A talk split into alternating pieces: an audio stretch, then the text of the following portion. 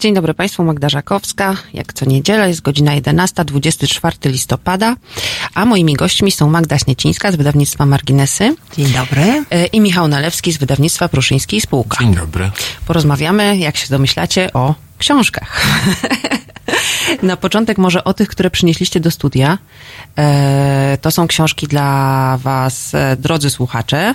E, za chwilę, pewnie w następnym wejściu po piosence ogłosimy jakieś konkursy. Ale na razie może gdybyście mogli opowiedzieć, bo przypuszczam, że są to albo nowości wydawnicze, albo jakieś bestsellery. E, tak jest. E, w okres październik, listopad to taki dosyć gorący czas dla wydawnictw z racji tego, że po pierwsze e, dużo imprez targowych się odbywa, więc wszyscy wydawcy w tym momencie chcą e, pochwalić się swoimi nowościami. E, no ale to również czas, kiedy kupujemy prezenty i oczywiście jest nam bardzo miło, że często e, właśnie wybieramy jako prezenty dla naszych najbliższych książki. I takie książki marginesy przygotowują. E, Kilka rzeczy przyniosłam ze sobą. E, Przede wszystkim książka, która mm, myślę, że budzi wiele takich pozytywnych emocji e, wśród czytelników. To książka ilustratorki i ilustratorzy Barbary Gawryluk. I to jest rzecz. Tutaj Barbara Gawryluk jest dziennikarką. Często tłumaczy również książki dla dzieci z języka szwedzkiego.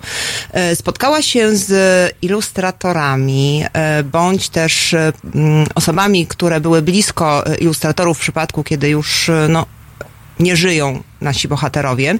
I rozmawiała z nimi o tym, jak oni pracowali, jak przygotowywali swoje ilustracje, a w książce znalazły się okładki książek, które myślę, że większość z nas pamięta z dzieciństwa i które naprawdę budzą takie bardzo miłe e, emocje. Jakieś tytuły, poproszę. E, Dziesięć Gulerwyn, Ferdynand Wspaniały, No tak. e, na przykład, e, nie wiem, Miś Uszatek i tak dalej, i tak dalej. E, To są rozmowy właśnie z e, Polskimi twórcami, z ilustratorami. Polskimi ilustratorami, tak. E, I, e, no i właśnie przypomniane są e, okładki i ilustracje, które oni tworzyli. Czyli trochę na sentymencie do dzieciństwa i trochę fajny prezent na Tak, myślę, że to będzie taki, taki, taki miły, miły prezent. Też, e, mm, ponieważ wydawnictwo Marginesy od jakiegoś czasu e, zaczęło wydawać komiksy, zajmuje się tym redakcyjnie Szymon Holzman, mm, osoba, która e, no, ma dosyć duże doświadczenie, jeśli chodzi o, o komiksy.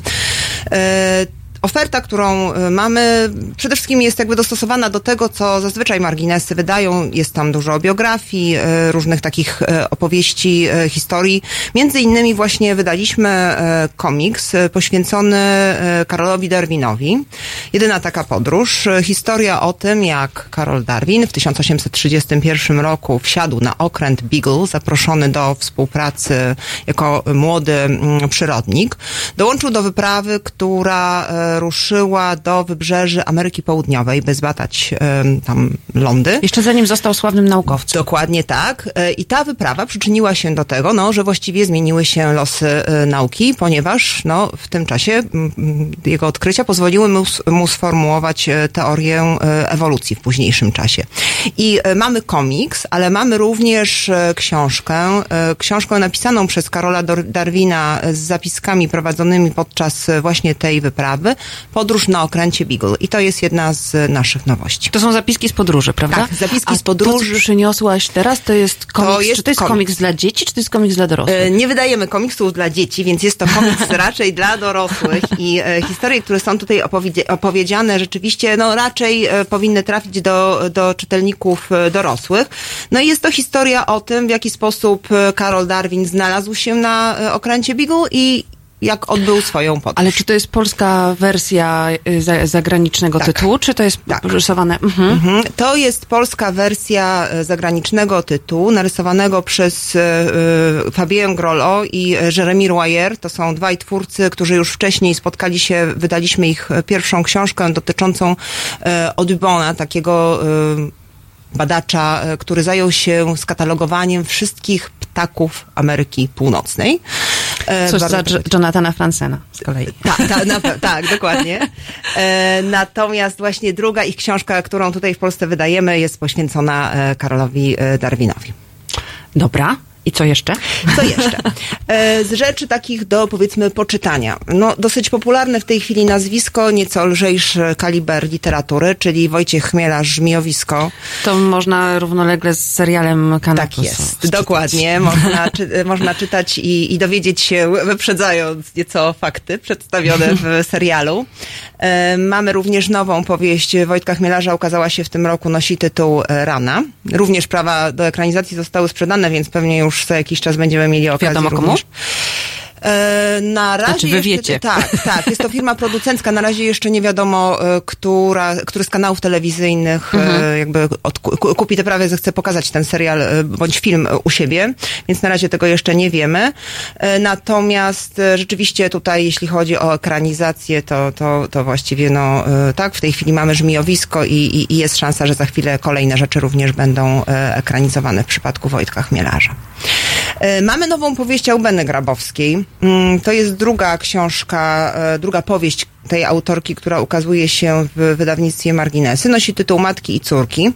No i to jest taka historia czteropokoleniowej rodziny, głównie historia kobiet e, z tej rodziny. Każda z nich e, od prababki poprzez kolejne pokolenia ma w sobie pewną tajemnicę i najmłodsza członkini rodu, no, próbuje jakby odkryć te rodzinne różne sekrety, by dowiedzieć się czegoś więcej o samej sobie. Bardzo ciekawa rzecz y, i y, no bardzo, bardzo polecam również y, tę książkę do poczytania. I z literatury faktu, ale też, no powiedzmy na granicy, ponieważ Ula Zajączkowska, Urszula Zajączkowska jest, no, mi się wydaje, dosyć wyjątkową autorką. Jest poetką, ale również botanikiem, botaniczką. Pracuje w Szkole Głównej Gospodarstwa Wiejskiego, zajmuje się właśnie roślinami i no, z taką wyjątkową wrażliwością e, opisuje świat e, przyrody.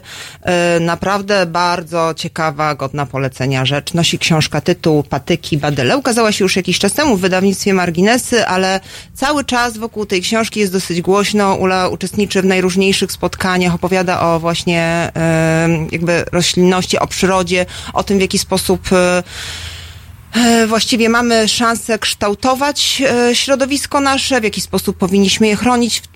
Jakby w momencie, kiedy rzeczywiście tak dużo mówi się o ekologii, o tym, jak bardzo niszczymy nasze środowisko naturalne, wydaje mi się, że ten głos Urszuli Zajączkowskiej jest dosyć ważny. Jeden z naszych czytelników pyta właśnie w komentarzach do audycji na YouTubie, czy, czy będziecie mieli jakieś książki naukowe. Rozumiem, że to jest, można zaliczyć e, jako książkę naukową. E, myślę, że w, pewien, w pewnym stopniu tak. tak. okay. Michał?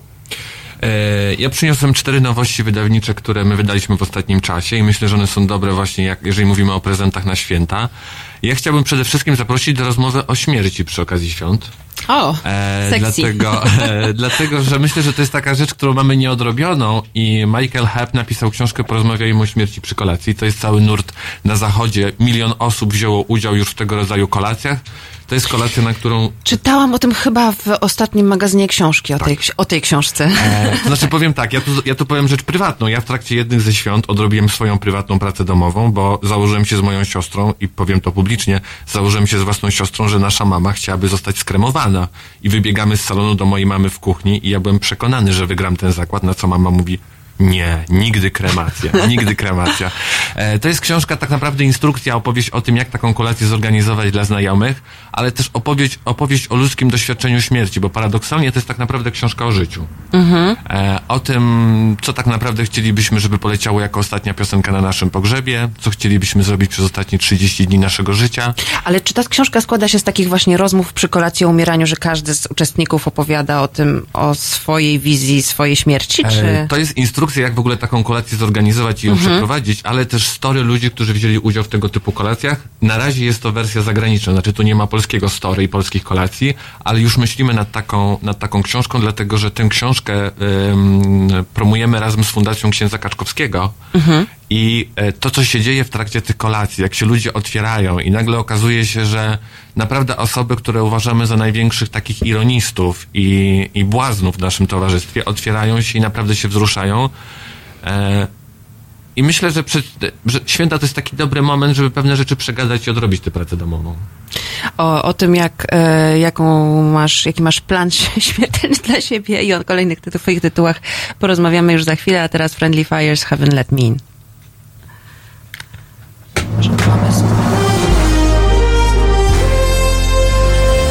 We wtorek. O poranku między siódmą a dziesiątą prawdziwy człowiek orkiestra Tomek Końca. Obudzi nawet umarłych. Siódma, dziesiąta. www.halo.radio. Słuchaj na żywo, a potem z podcastów.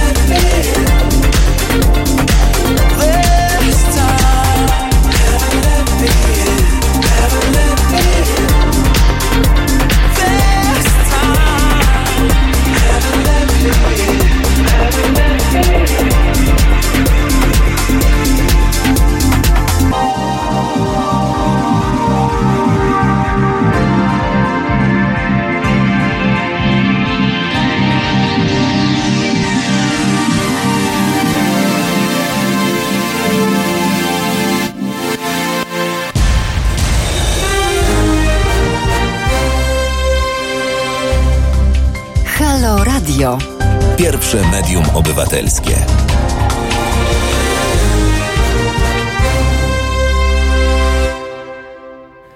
Magda Żakowska, 24 listopada, godzina 11.15, niedzielny poranek, który nie wszyscy, się- nie wszyscy się jeszcze obudzili z tego, co słyszałam. prawda. Jest ze mną Michał Nalewski w tym temacie i Magda Śniecińska.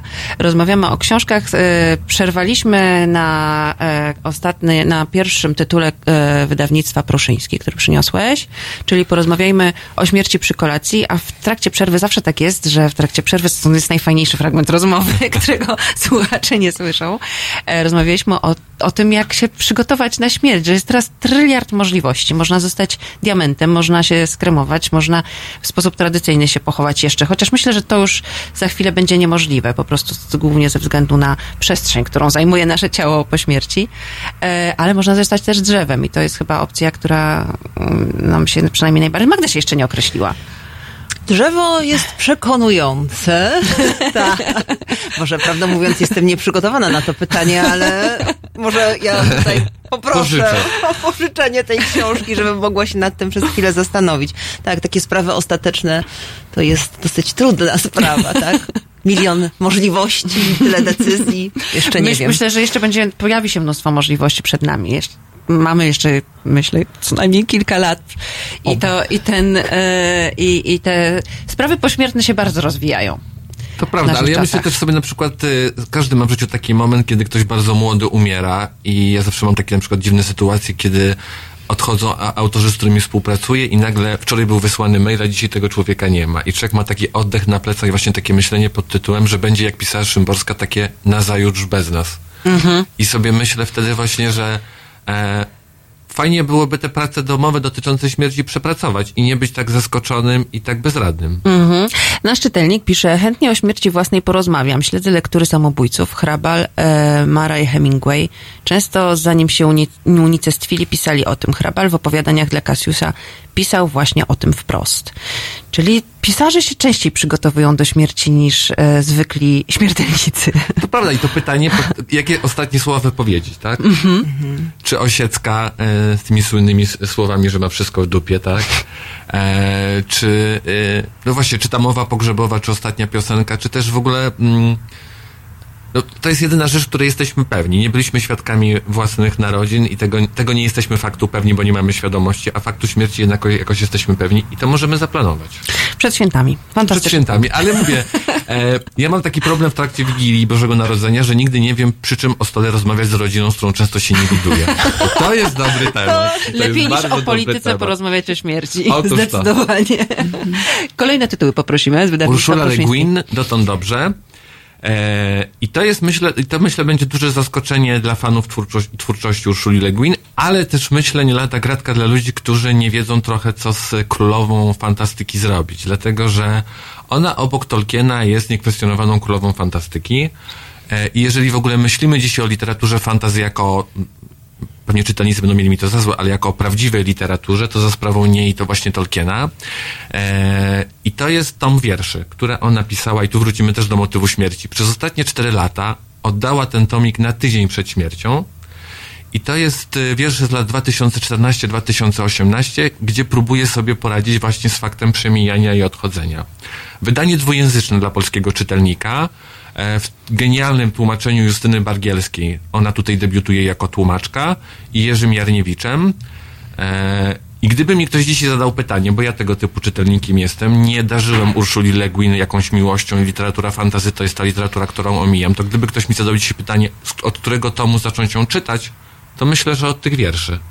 E, dlatego, że ona zupełnie nie wchodzi w świat, który kreuje w literaturze fantazy i zaskakująco są to naprawdę świetne wiersze. Super. E, Ewa Zawistowska, e, Dziadek Władek, e, książka wnuczki Władysława Broniewskiego i córki Anki. Tej, tej wnuczki, która mieszka w Grecji, tak? Tak. Tak. To jest niezwykła historia zresztą, bo ona zdaje się ma jakąś chorobę, która powoduje, że musi się bardzo Tak, naświetlać. tę samą chorobę, którą miała jej mama Anka. E, historia jest o tyle ciekawa i w ogóle ciekawa jest książka, dlatego że pani Ewa Zawistowska od wielu lat mieszka w Grecji. Tam wywiozła wszystkie rodzinne pamiątki, cały kufer po babci, która ją wychowywała. Ona, I dzięki temu ona jest wolna od takiego naszego myślenia o pewnych postaciach literackich i dlatego ona w tej książce zupełnie wprost pisze o alkoholizmie Broniewskiego. O, rozwi, rozwi, rozwija całą zagadkę śmierci swojej matki, dlatego że historia jest bardzo banalna. Myśmy chcieli wierzyć przez lata, że romans z Bogdanem Czeszką i, e, i, e, i śmierć, która była tak naprawdę spiskiem politycznym. Historia jest bardzo prosta. Budowany wtedy MDM miał nieszczelne instalacje gazowe. Na to skarżyło się bardzo wielu mieszkańców. E, Anka wtedy na kilka tygodni wyprowadziła się z tego mieszkania, bo instalacja była nieszczelna, wróciła się przepakować, zrobiła sobie kawę, położyła się na chwilę na kanapie e, i ten niedoczas, który wtedy miała i niemożność naprawienia tej instalacji ją po prostu zabiły. E, Biografia o tyle ciekawa, że mamy stos niepublikowanych listów, trochę niepublikowanych utworów Władysława Broniewskiego i książka, która zasadza się na bardzo ciekawym pomyśle, dlatego że pani Ewa Zawistowska miała całe życie taki problem, że jej dziadek nie potrafiła skleić owego dziadka, który, w którego cieniu żyła, z tym wielkim poetą wykreowanym w PRL-u. I ona przepracowuje sobie tę taką podwójną osobowość dziadka i próbuje skleić tego wielkiego poetę z tym dziadkiem, którego, którego znała i który, e, który położył się całym cieniem na jego życiu, dlatego że po śmierci Anki to pierwsza żona Władysława Broniewskiego wychowywała Ewę Zawistowską.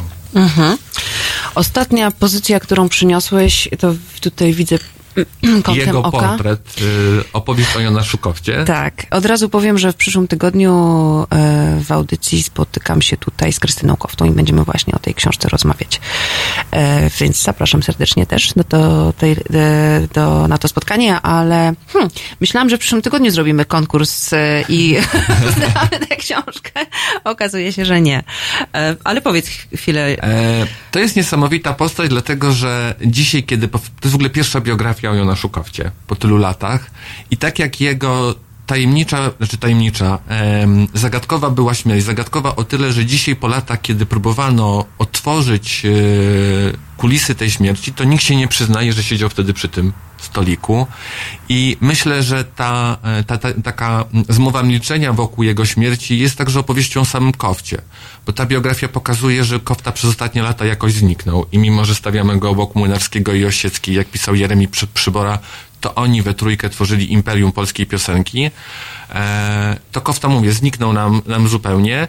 E, Piotr Derlatka sięgnął do rodzinnego archiwum. E, przy współpracy z, ro, z rodziną, ale bez jakichkolwiek ograniczeń i cenzurowania, napisał pierwszą biografię. Postaci, którą my postrzegamy dzisiaj, myślę, jako takiego trochę błazna, bo tak się jawi w tych wszystkich opowieściach towarzyskich. Moja ulubiona anegdota jest jak... Mogę? Mhm, możesz, jak oczywiście. e, w Spatifie spotkał się z Włodzimierzem Korczem i mówi e, do Korcza wczoraj wymyśliłem tekst Bajorowi, ale go jeszcze nie napisałem. Polej. No to Korcz stawia kolejkę, wyciąga notę, spisz. No i tak kolejka za kolejką, kolejka za kolejką. Tekst napisany. To jest ten słynny tekst Bajora, który on wykonuje południe. Szczęśliwy Korcz wybiega ze Spatifu. Kilka, kilka dni najbliższych chwali się w całym towarzystwie warszawskim, że ten tekst został napisany, że ma nowy tekst Kofty. No i idzie do ZAX-u go zarejestrować. Tyle, że okazuje się, że tekst od 15 lat jest już dawno zarejestrowany. Po prostu Kofta chciał za darmo popić. E, I takich anegdot w stylu błazna jest tam bardzo dużo, ale ta biografia odsłania także człowieka niezwykle pracowitego, e, człowieka, który po tej e, popularności do końca lat 70. gdzieś nie poradził sobie z tym, kiedy w Opolu staje manam i em, zawładnął polską wyobraźnią muzyczną. I e, te ostatnie lata, kiedy zmieniły się gusta muzyczne Polaków, on nadal wierzył w to uparcie, że dobry tekst się naprawdę obroni. I to jest trochę taka sentymentalna opowieść o figurze, która już dzisiaj zupełnie odeszła, czyli o figurze tekściarza. Na film historia. Na film. Na film jak kilka innych biografii, które macie w e, propozycjach, ale o tym też porozmawiamy może później. E, A teraz chyba na koniec konkurs dla słuchaczy.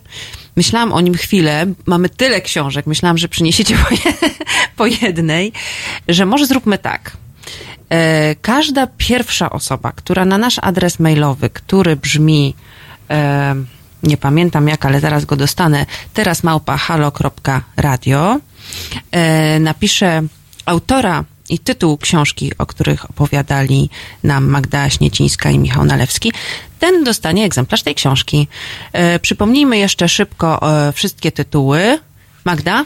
E, Aubena Grabowska, Matki i Córki, e, Wojciech Chmielarz, Żmijowisko, Barbara Gawryluk, Ilustratorki, Ilustratorzy, Urszula Zajączkowska, Patyki, Badyle e, oraz e, Darwin, Jedyna taka podróż, Fabien Grolo i Jeremy Royer.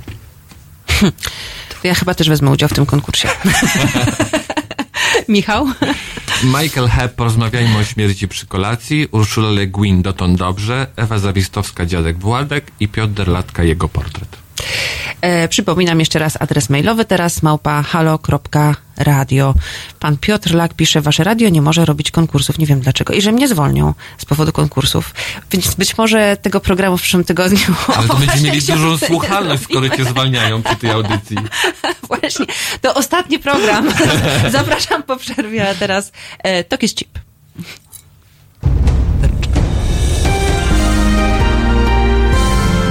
We wtorek. Od 21 do 23 telefony od państwa odbiera Radek Masłowski.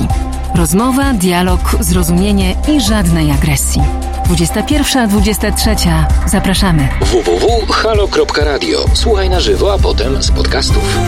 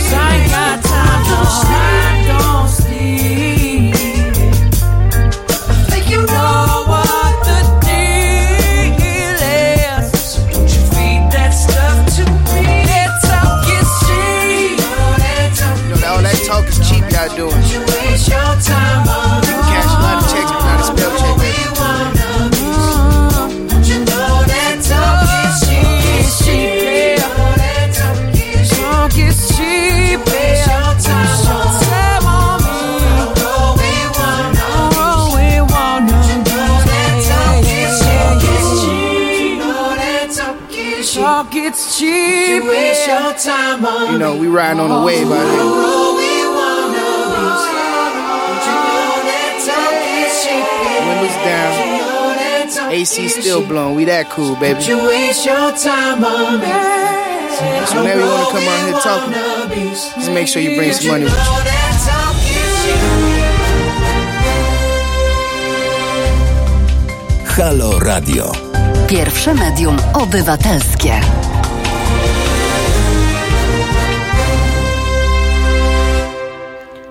Magda Żakowska, 24 listopada, godzina 11.31, a ze mną e, niezmiennie Magda Śniecińska z wydawnictwa Marginesy i Michał Nalewski z wydawnictwa Pruszyński i Spółka. Zaczęliśmy już rozmawiać o tym, jakie książki przygotowujecie na najbliższy rok. Takie najważniejsze, na które sami czekacie i z których jesteście najbardziej w swoich wydawnictwach dumni. Po, po, padło nazwisko Ginczanki.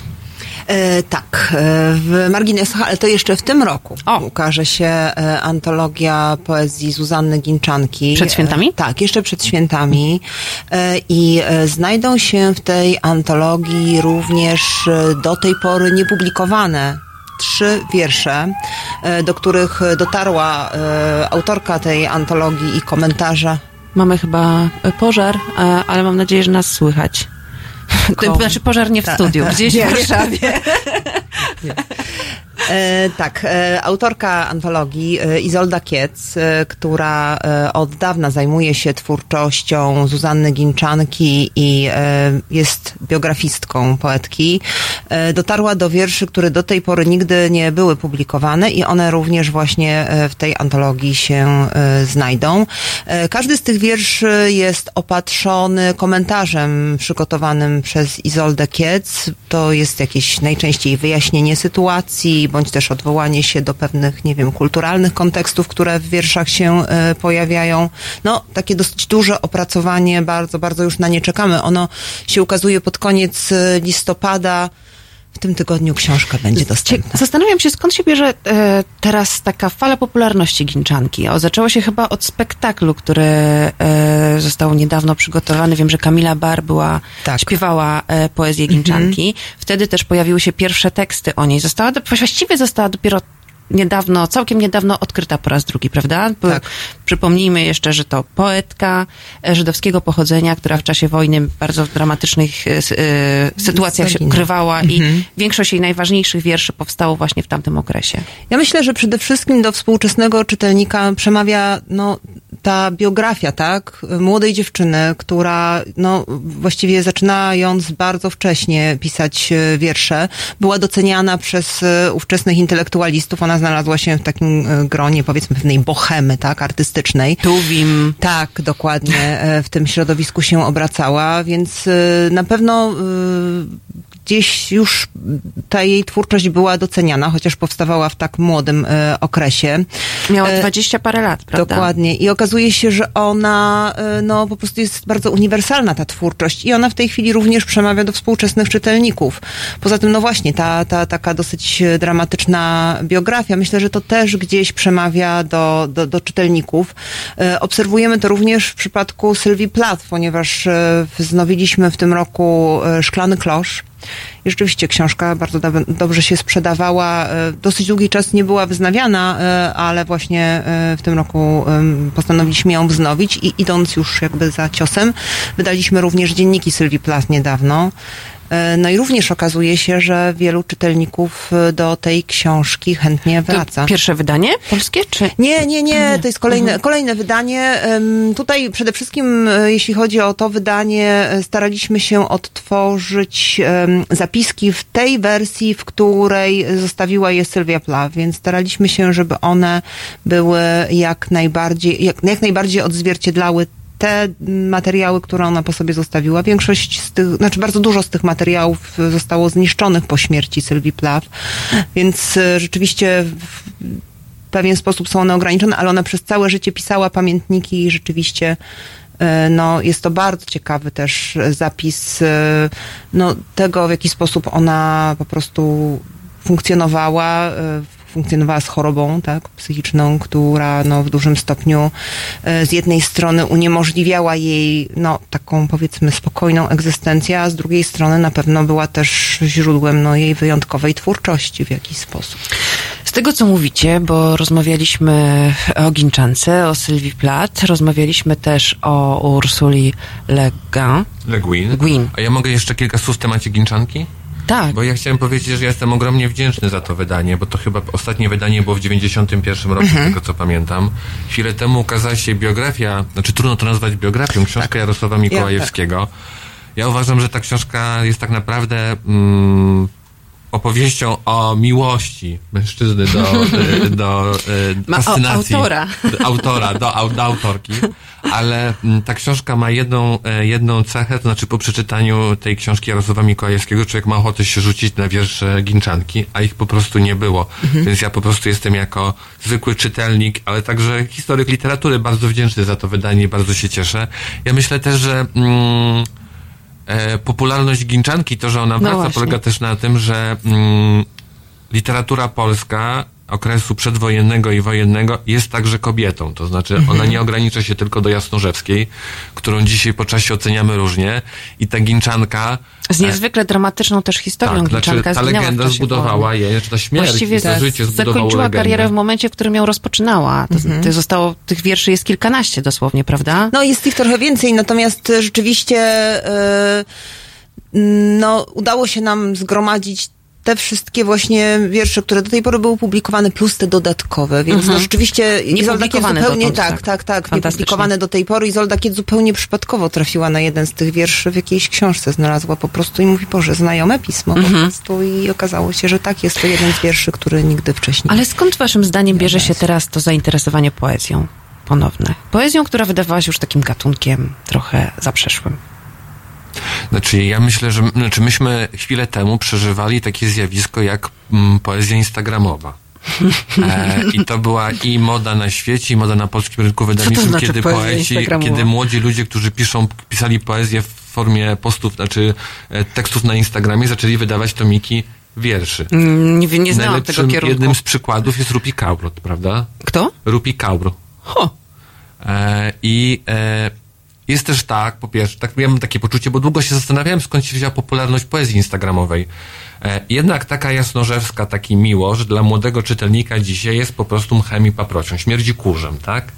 I myślę, że przez ostatnie lata za sprawą tego zjawiska wśród młodych ludzi zrobił się renesans w ogóle poezji, dlatego że za sprawą, mówię, poezji, którą trudno oce- oceniać od strony takiej e, literackiej, bo te wiersze są, znaczy słabe, Są jakie są. delikatnie, ale e, to jest tak naprawdę pochwała literatury i poezji, bo ci młodzi ludzie pokazują, znaczy to, to zjawisko pokazało, że młodzi ludzie mają potrzebę obcowania z poezją i mają potrz- potrzebę opowiadania w formie poetyckiej swojego życia i swoich problemów, czyli tym, czy poezja jest od zawsze.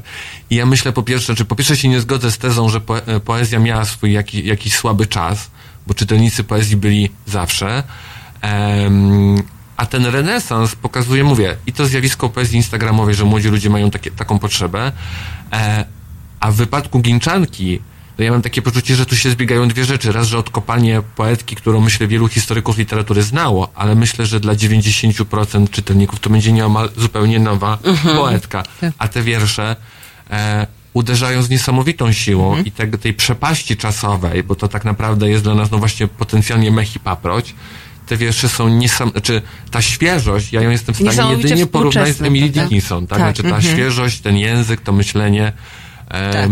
Z jednej strony, no jakby tak, pewne takie doświadczenia młodości, tak, młodej dziewczyny, która obserwuje świat. Z drugiej Bardzo strony, emocjonalne. Tak, poczucie zbliżającej się jakiejś, tak, tutaj Tak. sytuacji, która może być niebezpieczna, gdzieś tam coś się już niedobrego dzieje, tak, społecznie, e, więc no jakby jest gdzieś właśnie takie zetknięcie młodej, niewinnej dziewczyny, ale niezwykle też dojrzałej w swoich obserwacjach, no a z drugiej strony właśnie gdzieś tam zbliżająca się historia.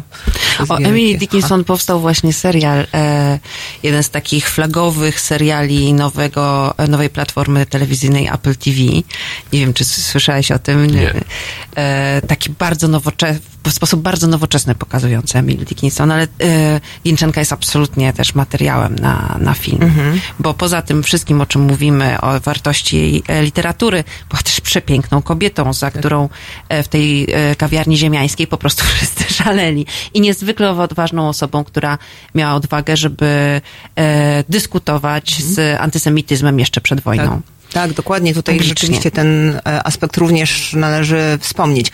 Na przyszły rok przygotowujemy biografię mm, Zuzanny Ginczanki, również w opracowaniu Izolda Kiec właśnie e, pisze, e, pisze tę biografię. No i mam nadzieję, że może już nawet w maju będziemy mogli ją przedstawić czytelnikom. O najważniejszym projekcie zbliżającym się wydawnictwa Pruszyńskiej Spółka porozmawiamy już za chwilę, a teraz Jonathan Blee i You Are So Cool.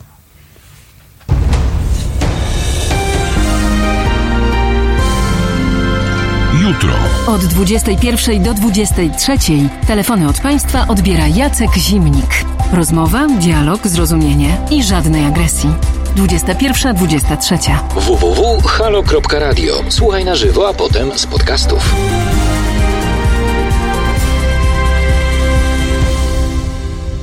Body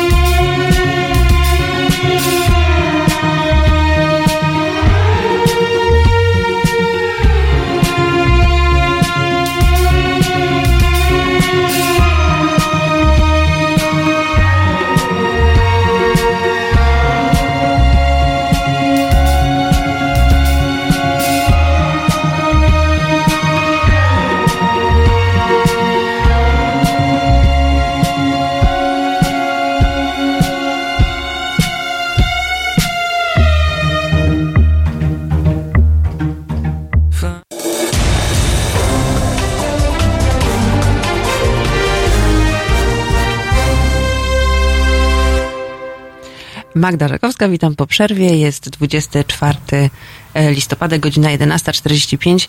E, Ze mną Magda Śniecińska z wydawnictwa Marginesy, Michał Nalewski z wydawnictwa Proszyńskiej Spółka. Michał strasznie chciał, żebym e, za- zapowiedziała pogodę dzisiejszego dnia. Więc jest, e, są dwa stopnie, pełne zachmurzenie. Tak będzie przez cały dzisiejszy dzień, bez opadów. I bardzo dobrze, bo ja po to słucham radia właśnie, żeby wiedzieć jak się ubrać wychodząc z domu. Jest bardzo zimno.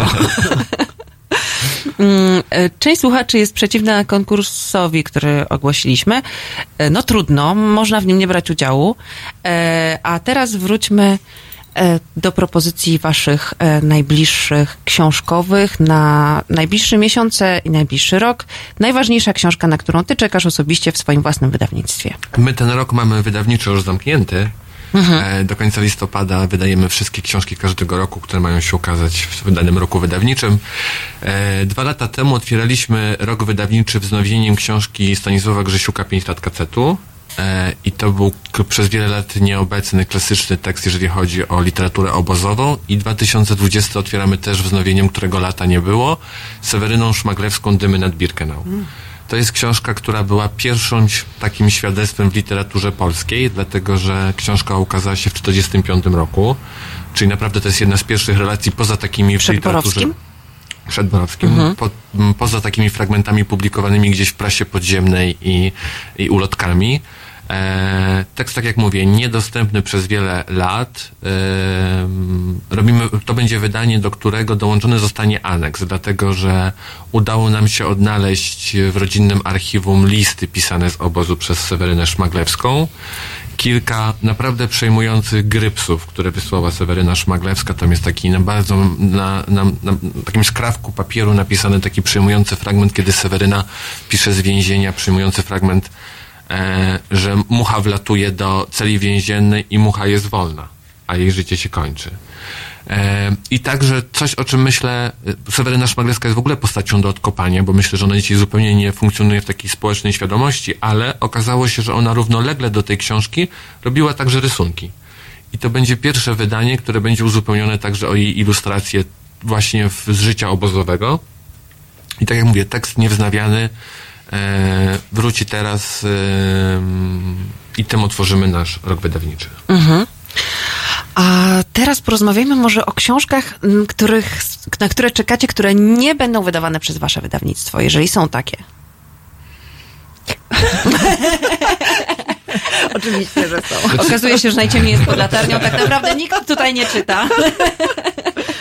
Nie, ja mam inny problem. Ja mam taki problem, że nie czekam na, na jakieś książki, bo ja mam problem z przeczytaniem tego, co kupiłem i co startami leży, więc ja mam tak naprawdę za każdym razem wieczorem zastanawiam się, po co sięgnąć, bo mam takie zaległości. No a co teraz czytacie aktualnie?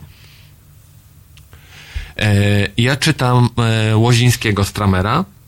Mhm. I e, jeżeli ta książka, jeżeli ta powieść nie będzie w ścisłej siódemce do literackiej nagrody Nike, to zwątpię w kapitułę, mówię to oficjalnie. Ja już zwątpiłam po królu Twardocha, E, I który nie dostał żadnej nagrody, ani chyba nominacji, już nie pamiętam. E, Nie, miał nominację. Miał nominację, ale chyba nie Szczepan dostał. Twardoch miał Tak. nominację do Nike, na Tak. pewno. No w każdym razie to dla mnie jest jedna z najważniejszych książek, jaka powstała w ostatnich latach Polska, ale nie dostał Nikę. Nie pamiętam kto nawet, kto wtedy dostał. No w każdym razie, dobrze. E, Zdania na, te, na temat tej książki są różne.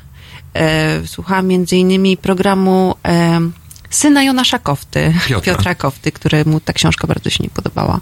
Nie, to znaczy ja uważam, że em, znaczy raz, że mnie bliska jest, i tu też zno- znowu zagram do podwórka Ginczanki, mnie jest bliska ta narracja przywracania wątków żydowskich z różnych perspektyw i ta powieść oddaje e, jak gdyby narrację takiej perspektywie zupełnie nieobecnej, czyli że w tej narracji rodziny żydowskiej to Polak jest obcy i zły, w cudzysłowie oczywiście, natomiast napisana z takim rozmachem powieść o rodzinie żydowskiej mieszkającej w Tarnowie, e, tak plastycznie, tak żywo, e, ja dawno nie czytałem tak wciągającej powieści i powiem szczerze, że mam z tą książką taki problem i to jest tam naprawdę miłe uczucie, że chciałbym, żeby ona się nie kończyła i tak sobie dawkuję i tak zwlekam i tak zwlekam e, i mówię, liczę bardzo na to, że ta książka e, będzie nominowana do Nike, bo jej się mówię. E, I też ten, to, że myśmy naprawdę chyba czekali 7 czy 8 lat od ostatniej powieści, od ostatniej książki Łozińskiego na, na jego nową rzecz i te 8 lat widać w tej książce. Mhm. Jakie wydawnictwo? Wydawnictwo literackie. E, To jest jedna z książek, którą właśnie zamierzam przeczytać, tak? ale to rzeczywiście już jest rzecz, która się mm, ukazała. Ja w tej chwili e, czytam z kolei książkę mm, Angeliki Kuźniak e, o Boznańskiej. Mhm. Angelika Kuźniak specjalizująca się w biografiach. Tak, Angelika Kuźniak specjalizująca się w biografiach i właściwie każdą z tych biografii y, przeczytałam i na nowo, mam wrażenie, mogłam dzięki niej odkryć tę postać, o których ona pisała. Natomiast, no, rzeczywiście jest to fascynująca y, biografia. Przede wszystkim jakby sposób, w jaki Angelika Kuźniak pisze o Poznańskiej, y, o tym, jak zafascynowała się sama tym tematem, jak docierała do różnych informacji, y, w jaki sposób ona w ogóle pisze te książki jest dla mnie niesamowity i, i rzeczywiście myślę, że to jest rzecz godna polecenia. I też sposób, w jaki ta książka została wydana. Jest tam mnóstwo zdjęć, fotografii, najróżniejszych reprodukcji. Bardzo, bardzo pięknie wydana. I to jest też literackie, o ile się nie mylę. Tak. Mhm. A ja teraz odbiję pałeczkę, a ty, piłeczkę, a ty Magdo? Co teraz czytam? Tak. Czytam teraz eseję e, Jonathana Francena i równolegle czytam fantastyczną książkę. Tutaj pewnie powinnam jakoś... Znaczy, p- przepraszam, czytam też książkę o Jana Szukowcie. Jestem na początku, więc nie mogę dużo o niej powiedzieć, ale kończę książkę e, wydaną przez e, wydawnictwo Marginesy, czyli Tam, gdzie śpiewają raki. O nie, przepraszam, to Świat Książki. Świat Książki to jest e, e, książka naszej, czy naszego trzeciego gościa, który miał być dzisiaj z nami, ale nie dotarł, czyli Agnieszki e, Ziembińskiej z wydawnictwa Świat Książki. I to jest książka, e, Da- Dalia e, Owens to jest naukowiec zajmujący się biologią, przyrodą. Przez wiele lat mieszkała w Afryce i pisała książki e, naukowe. I już grubo po 60 wróciła do Stanów i napisała swoją pierwszą, swój debiut literacki. To jest właśnie tam, gdzie śpiewają raki. Mm, przepiękną historię e, o dojrzewaniu, o samotności, o dziewczynce jakby pozostawionej samej sobie przez rodziców, która wychowuje się na też takich przepięknych warunkach przyrody, na bagniskach w e, Karolinie Północnej. E, To jest przeplatane też historią kryminalną przepięknie napisana książka e, i no i fascynujące jest w niej też to, że to jest tak późny debiut, a tak strasznie dojrzały. Ta książka jest teraz e, na już od dobrych e, kilku miesięcy na liście bestsellerów New York Timesa. Sprzedali jej w Ameryce już ponad 3 miliony. Mm, I chyba tydzień temu ukazało się właśnie polskie wydanie, świetnie też przetłumaczone, bo ja czas, nie, czasami mam takie właśnie, o tym możemy też porozmawiać, bo czasami mam wrażenie, że mam do czynienia z wielką literaturą, bo zaczęłam też mówić o tym, że czytam eseje Jonathana Francena i tak miałam, takie miałam poczucie, kiedy czytałam jego Wolność po polsku, że to jest fantastyczna literatura, nie do końca dobrze przetłumaczona. Mm, I, ta, to tłumaczenie jest też strasznie ważnym elementem wydawania książek. I często o tym zapominamy. I często w ogóle rzadko mówimy o tłumaczach. Więc może teraz ja odbiję pałeczkę i zapytam was, jacy są wasi ulubieni tłumacze, którzy, których e, tłumaczenia czytacie też z ciekawości, jak przetłumaczyli książki, a nie tylko dlatego, że chcecie przeczytać konkretną książkę. Macie takich w ogóle, czy nie? Znaczy ja myślę, że tu w ogóle uderzyłaś w czuły punkt, dlatego że myślę, że chyba dopiero od dwóch czy trzech lat jest taki zwyczaj w, w całym życiu wydawniczym zaznaczania tłumacza No właśnie, tłumacz w, księgarniach ważniejszy, nie? internetowych, w różnych oznaczeniach e, bibliotecznych i nowościach wydawniczych. I No on i na gdzieś, okładce I na okładce, tak. pojawiają się E, nazwiska. I myślę, że to jest dopiero, tak jak mówię, uderzyłaś w czuły punkt, dlatego że to się dopiero zaczę, zaczęło dziać od, Mhm. od dwóch, trzech lat. E, I, ym, I chyba nadal tłumacz nie funkcjonuje tak w świadomości Samodzielnie, społecznej. tak, to To Samodzielnie. prawda. Tak. E, Chyba my- zrobimy o, o tłumaczach, chyba zrobię oddzielną audycję, bo jest kilku fantastycznych tłumaczy, których ja też nie potrafię często przypomnieć sobie z imienia i nazwiska, ale są, są świetni. Na przykład pamiętam taką książkę, słucham jej na audiobooku, e, książkę e, e, Jonathana Safrana Foera. E, Jonathan, on jest Jonathan. Tak. E, mm, wszystko jest iluminacją. E, bardzo trudna do przetłumaczenia książka. Niezwykle trudna, składająca się z takich dwóch przestrzeni czasowych. Jedna część dzieje się kilkaset lat e, temu na obecnych terenach Ukrainy, e, w żydowskiej społeczności. Język jest bardzo enigmatyczny. Część tej powieści dzieje się z kolei współcześnie i e, jednym z bohaterów jest e, e, obywatel Ukrainy, który stara się mówić po angielsku łamaną angielszczyzną, co też musi być odpowiednio przetłumaczone na polski. Jest to fantastyczna robota.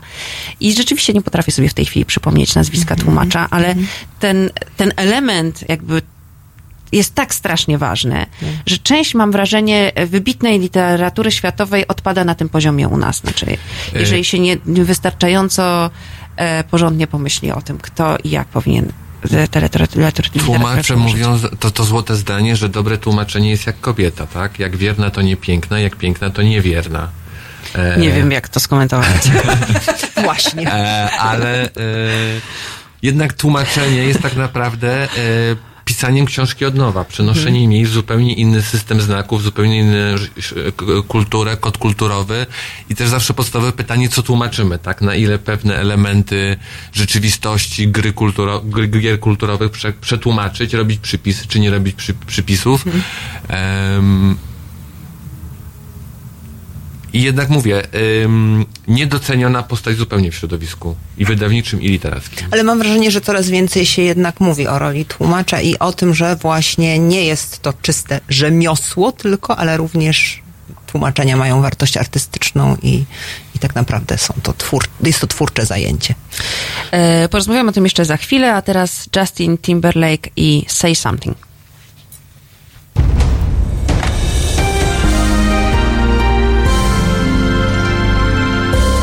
Czwartek Od 23 do 1 potrwa Halo Noc, a w niej Armen Mechakian, psycholog i psychoterapeuta, wyłącznie do Waszej dyspozycji. Jeśli potrzebujesz słowa, my damy Ci słowo. Jeśli potrzebujesz wsparcia, to Armen poda Ci rękę. www.halo.radio. Tego programu słuchaj wyłącznie na żywo.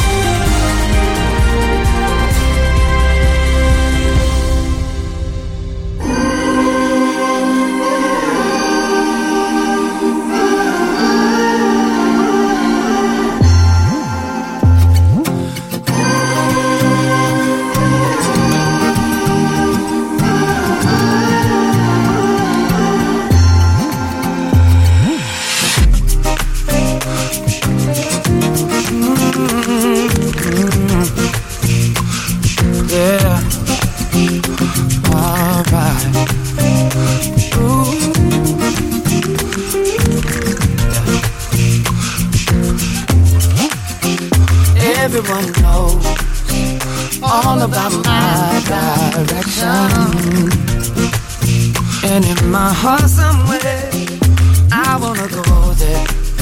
Still I don't go there. Everybody says, say something, say something, say something, say something, say something, say something.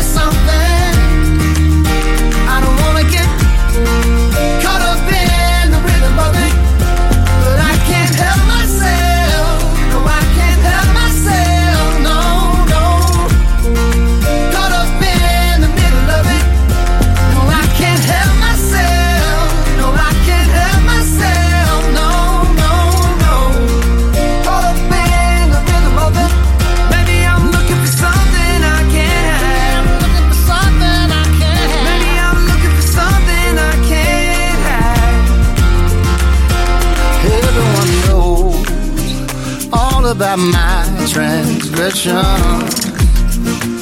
Still in my heart somewhere, there's melody and harmony for you and me tonight. I hear them call my name. Everybody says, say something, say something, say something, say something, say something, say something. I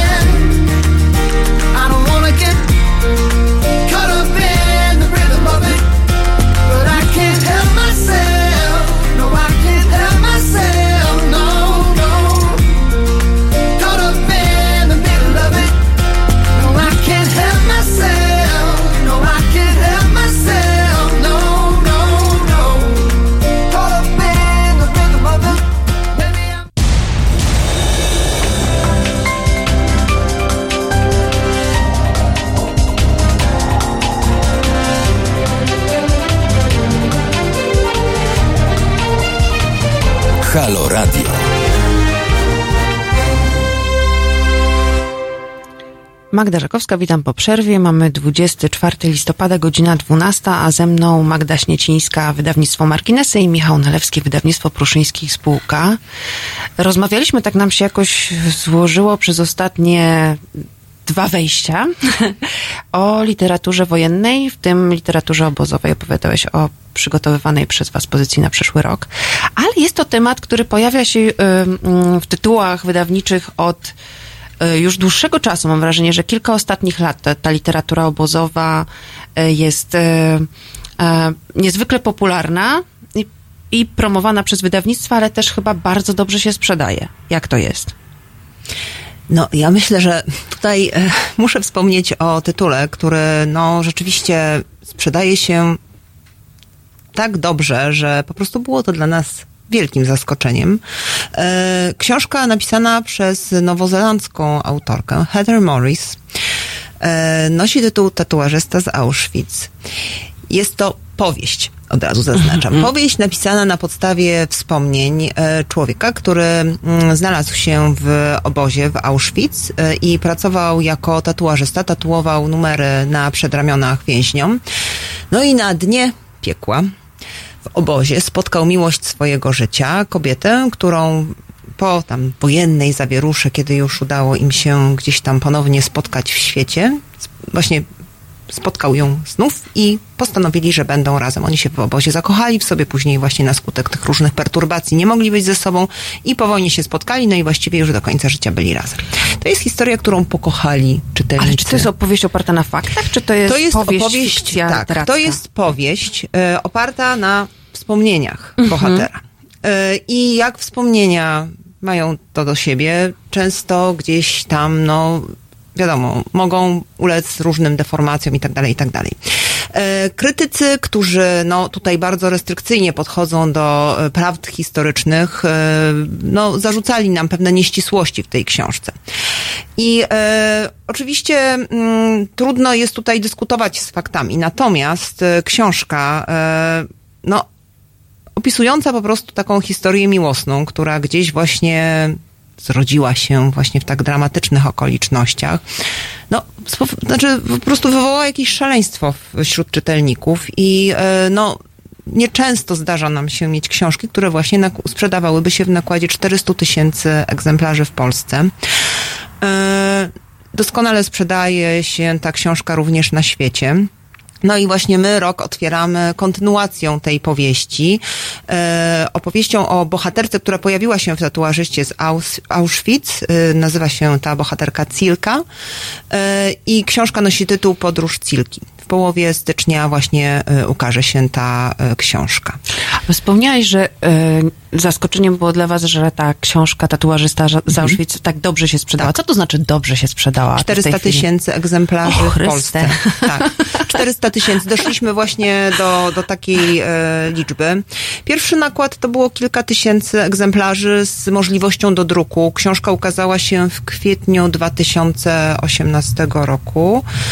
E, autorka dwukrotnie odwiedziła już Polskę e, i e, no, dla nas jednak mimo wszystko takie liczby to nie jest taka oczywista e, Myślę, tak, że dla żadnego tak. wydawnictwa w tej chwili w Polsce to E, nie jest oczywista liczba. I ta książka, no właściwie z tygodnia na tydzień, tak jak obserwujemy wyniki sprzedaży, no to po prostu cały czas cieszy się po prostu popularnością wśród czytelników. A y, czy to jest polski fenomen? To znaczy, że ta autorka i ta książka stała się tak popularna tylko u nas? Nie, czy to jest e, światowy nasz- znaczy, trend? Nie, okazuje się, że książka jest już e, popularna na świecie, przede wszystkim w anglojęzycznym środowisku.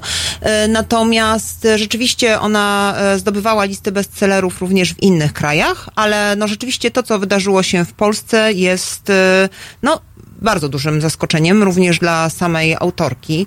E, Jej przede wszystkim zależało na tym, żeby upamiętnić historię e, właśnie człowieka, którego spotkała w swoim życiu i który jej opowiedział właśnie o swoich losach. Mm, Ona jako osoba no, pochodząca z zupełnie innego kręgu kulturowego wykonała bardzo dużą pracę, żeby po prostu jakby zdobyć jak najwięcej informacji i e, rzeczywiście przygotowywała się do, do napisania tej książki. Mm, Jednak właśnie, no, w polskim środowisku tematy polsko-żydowskie wywołują jakby bardzo dużo dyskusji. Są to rzeczy, które my w pewien sposób instynktownie e, jakby przyjmujemy, tak? Pewne rzeczy rozumiemy bez dopowiadania. E, I e, no, być może tego nie miała autorka, ale miała z kolei inne właśnie, tak, jakby możliwości, ponieważ umiała na tę historię spojrzeć z dystansu. E, I ją przede wszystkim zafascynowała właśnie ludzka historia e, no, bohatera. Pan Piotr pyta w komentarzach e, do naszej audycji, czy wyniki sprzedaży są dla nas, świadczą dla nas o walorze książki. Nie świadczą o walorze książki, ale świadczą o tym, co czytelnicy chcą czytać. Dokładnie. I to jest bardzo ciekawe. Jaka książka w ostatnim roku była waszym największym hitem sprzedażowym, Michał, w wydawnictwie pruszyńskim? E, W zeszłym roku, e, znaczy od zeszłego roku u nas niekwestionowanym królem jest wznowienie trylogii Stanisława Grzesiuka w wersji bez cenzury. E, łącznie trzy tomy trylogii, czyli pięć lat kasetu Bosso w Ostrogach i na marginesie życia, myśmy sprzedali w prawie 300 tysiącach egzemplarzy. Ale to mówię, to jest trylogia. I zeszłoroczny hit to była nasza książka Topr Beaty Sabały Zielińskiej. E, To była pierwsza opowieść z ratownikami Topru. Tak naprawdę Biblia Topru, tak to życie można określić.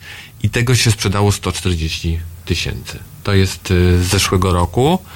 E, a w tym roku muszę odkurzyć pamięć. Ale czy to jest tak, że jak ma się w e, zestawie propozycji na dany rok jedną książkę, która się sprzeda w kilkuset tysiącach egzemplarzy, to ona zapewnia jakby wydawnictwu spokój i byt na cały rok? Czy można, czy, czy, czy taki jeden hit powoduje, że macie już taki luz i możecie sobie wydawać resztę rzeczy, nie myśląc o, o tym Znaczy, komercyjnym niestety jest aspekcie? tak, chociaż zajmujemy się literaturą na różnych jej piętrach, to e, rynkiem wydawniczym rządzi taki sam biznes jak rynkiem obuwniczym i meblarskim, czyli twarde zasady ekonomii. I to jest tak, że kiedy wydawca ma większe, większy przychód i większą liczbę hitów, czy nawet ilość, to może po prostu wydawać rzeczy dla honoru w domu, które normalnie by się nie ukazały. I to jest ten luz i ten, ten spokój, o który walczy, myślę, każdy wydawca. Natomiast ja wrócę do tego komentarza, który się pojawił, bo ja się z tym nie zgodzę, bo ja na przykład uważam, że Ginczanka będzie hitem. Oczywiście na półce poetyckiej. E, to nie chodzi o to, ale na pewno tak. Mhm. Ale Nie osiągnie tego. myślę, że to wydanie ma szansę dobić do 20-30 tysięcy sprzedaży. I tego się trzymajmy. E, I, e, ale mu nie, mówię to jako osoba, my jesteśmy wydawnictwem, które wydaje Agnieszkę Kosiewską, Wojciecha Mhm. Młynackiego. Też wiemy, w jakich nakładach ta poezja się sprzedaje. Mhm. Więc ja mm, będę, nie zgodzę się z tym, że, z, że mm, tylko to, co i nie zawsze literackie się sprzedaje świetnie. Oczywiście są, e, wtedy jest łatwiej o taką naprawdę wysoką sprzedaż, kiedy wychodzimy, także kolokwialnie na skróty, poza tego czytelnika inteligenckiego, ale nie zgodzę się. Najlepszym przykładem, myślę, jest Olga Tokarczuk, która e, teraz święci triumf, No i tak, święciła ale triumfy sprzedażowe i święci. Tak, no ale teraz te triumfy rzeczywiście są nieporównywalne do tego, co kiedyś, prawda? Ja nie pamiętam liczb e, po e, Nagrodzie Nobla, ale to, to są jakieś zatrważające cyfry. Natomiast ja jeszcze wrócę tutaj do wypowiedzi a propos tatuażysty z Auschwitz, dlatego że ja tej półki trochę będę bronił. Dlatego, że uważam, że, znaczy, Wszyscy tak mamy, że kiedy w szkole przewija się literatura obozowa, to nagle zaczynamy czytać. To znaczy medaliony Zofii Naukowskiej, opowiadania Borowskiego, to nas pochłania, tak? Ale kiedy przychodzi lekcja historii i cała opowieść o II wojnie światowej, to nas to po prostu nudzi. I ja uważam, że ten tatuażysta z Auschwitz jest taką, e, takim mm, przedbiegiem dla ludzi, którzy chcą wejść w poważną literaturę historyczną. Ja bym w ogóle nie przykładał e, takich miar do fachowych opracowań i szczegółów, bo ja uważam, że tatuażysta z Auschwitz zrobił tyle samo dobrego dla literatury, dla czasu II wojny światowej, tej świadomości, co lata temu Norman Davis. Dlatego, że ci czytelnicy za chwilę zaczną szukać do, do, do, do innych książek i pojadą I trafią do obozu. Pruszyńskiego. Tak. Nie, i- Bardzo dziękuję za te słowa. i, Bardzo mnie to cieszy. Nie, ale tak po prostu uważam, bo ja mam też takie poczucie, że obecnie w środowisku e, dziennikarskim narasta taka niechęć do tego nurtu właśnie Mhm. tych książek. Nawet to jest określane pogardliwie pop-holokaustem. Holocaust Business. Tak, Mhm. e, ale em, trzeba pamiętać o, o, o tym też, że równolegle nasza wiedza młodych ludzi na temat Holokaustu jest naprawdę niska i opowiedzenie zgrabnej historii, przemycenie tam sporo wiedzy Tak. i szansa na to, że zawładnie naszą wyobraźnią e, tematyka obozowa i za chwilę mówię, sięgniemy po fachowe opracowania, bo półki księgarskie pękają od tego, ale mnie to na przykład bardzo cieszy, Mhm. dlatego że ja wierzę w to, że za chwilę oni sięgną po fachowe opracowania, a bez takiej, mówię, popowej Pod- historii, podstawy tak, jakiejś, oni by powiedzmy, tego, mhm. bo nagle okazuje się, że za tym stoją ludzkie historie, które nas urzekają, tak, że to, bo to jest zawsze opowieść o tym, co mówiła Hanna Kral, że mi, y, miliony, znaczy liczby idące w miliony nie robią wrażenia, dopiero pojedyncza historia. Mhm. Tak samo jest moim zdaniem z tatuażystą. Ta historia robi wrażenie Tak. i dopiero wtedy można przebić ten mur, e, który nam funduje cała opowieść o Holokauście. No właśnie, czyli biografie i autobiografie to jest taki trochę w połączeniu z e, wojną i Holokaustem oczywiście razy tysiąc, ale te świadectwa, pojedyncze świadectwa ludzkie są teraz chyba takim najwięk, naj, najbardziej, wydaje mi się, wyczuwalnym trendem w światowej literaturze. I czy się ze mną zgodzicie, czy nie, porozmawiamy o tym e, za chwilę, a teraz e, Vampire Weekend i Harmony Hall.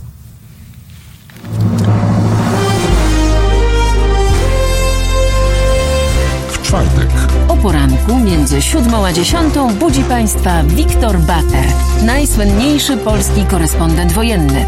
Teraz stacjonarnie w Halo Radio. Polityka zagraniczna, a sprawa polska. Od siódmej do dziesiątej. www.halo.radio. Słuchaj na żywo, a potem z podcastów.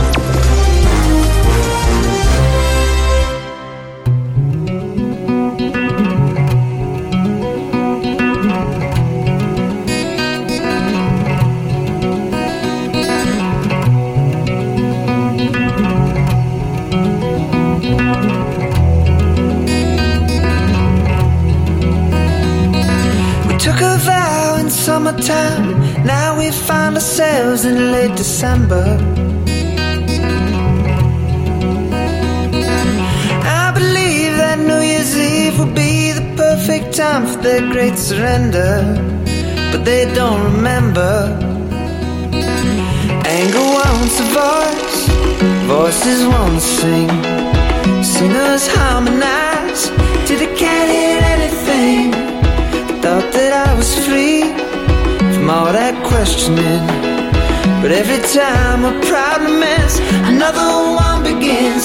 And the stone walls of harmony all bear witness.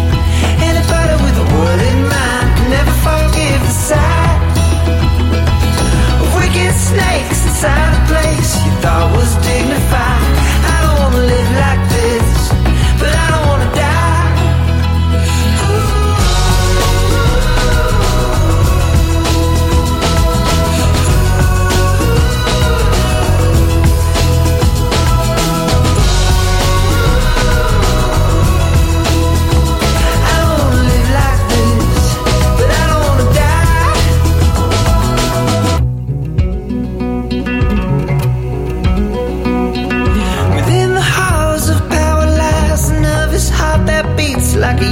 Young pretender. Beneath these velvet gloves, I hide the shameful crooked ends of a money lender. Cause I still remember anger wants a voice, voices wanna sing. Singers harmonize till they can't hear anything. Thought that I was free from all that questioning. But every time a problem ends, another one begins. And the stone was walls of harmony all bear witness. Anybody with a word in mind can never forgive the sight of wicked snakes inside a place you thought was dignified. I don't wanna live like this, but I don't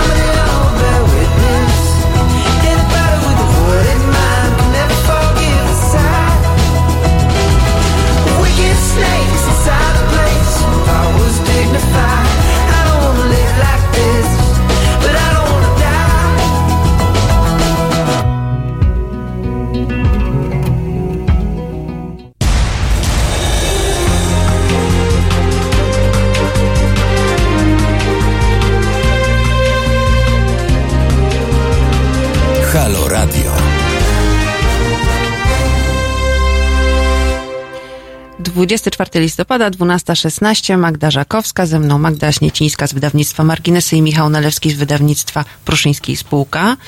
Rozmawialiśmy o biografiach, o świadectwach historycznych i mam pytanie, bo właśnie jak zapytaliście, co czytam i opowiadałam o tym Francenie i jego esejach, to w jednym z pierwszych esejów Francyn pisze właśnie o tendencjach w literaturze, o tym, co się teraz wydaje, co się pisze i co się czyta. I, yy, I pisze takie zdanie, a może jedynym autentycznym i politycznie uzasadnionym sposobem narracji jest autobiografia. I tu powołuje się na największe hity literackie ostatnich lat, czyli na e, hity, ale też em, o, o wielkiej wartości literackiej, czyli Karl Ove, Knausgard, Rachel Kaski, Elena Ferrante. I czy to tak jest? Macie takie poczucie, że ta literatura, która jest świadectwem, właśnie, która jest autobiograficzna, która tworzy, mm, która tworzy się na podstawie własnych przeżyć, jest taka najbardziej, wydaje się teraz najbardziej wartościowa i najbardziej też jednocześnie popularna? E, Wymieniłaś mm, bardzo takie duże i uznane nazwiska, ale ja na przykład bardzo czekam na książkę, która mm, w tym roku e, ukazała się na zachodzie. To jest książka, która nosi tytuł Trzy kobiety, napisana przez Lisę Tadeo i właśnie... Przeczytałam ją po angielsku. O, i co? I, powiedz, co o niej myślisz? Właśnie w kontekście tego, Jest że dajemy świadectwo pewnym swoim I wy to przeżyciom. będziecie, i wy będziecie tak. wydawać Lizę Tadeo, tak? Tak, wydajemy Lisę Tadeo. To jest fantastyczna książka. To są trzy, histo- trzy historie trzech kobiet, e, którą autorka zawsze zazdroszczę, jak czytam na skrzydełku, że autorka, która zresztą jest strasznie młoda i potwornie Tak. zdolna, co też jest Tak. Tak. E, pisała tę książkę, miała na to dobrych kilka lat. Tak. Jeździła, są trzy bohaterki e, mieszkające w trzech różnych stanach e, Mhm. Ameryki. I to jest tak naprawdę historia o tym, e, o, o kobiecie dzisiaj, o tym, jakie kobiety mają pragnienia, jakie, ma, jakie mają życie, jakie mają marzenia i w jakim świecie przyszło im żyć.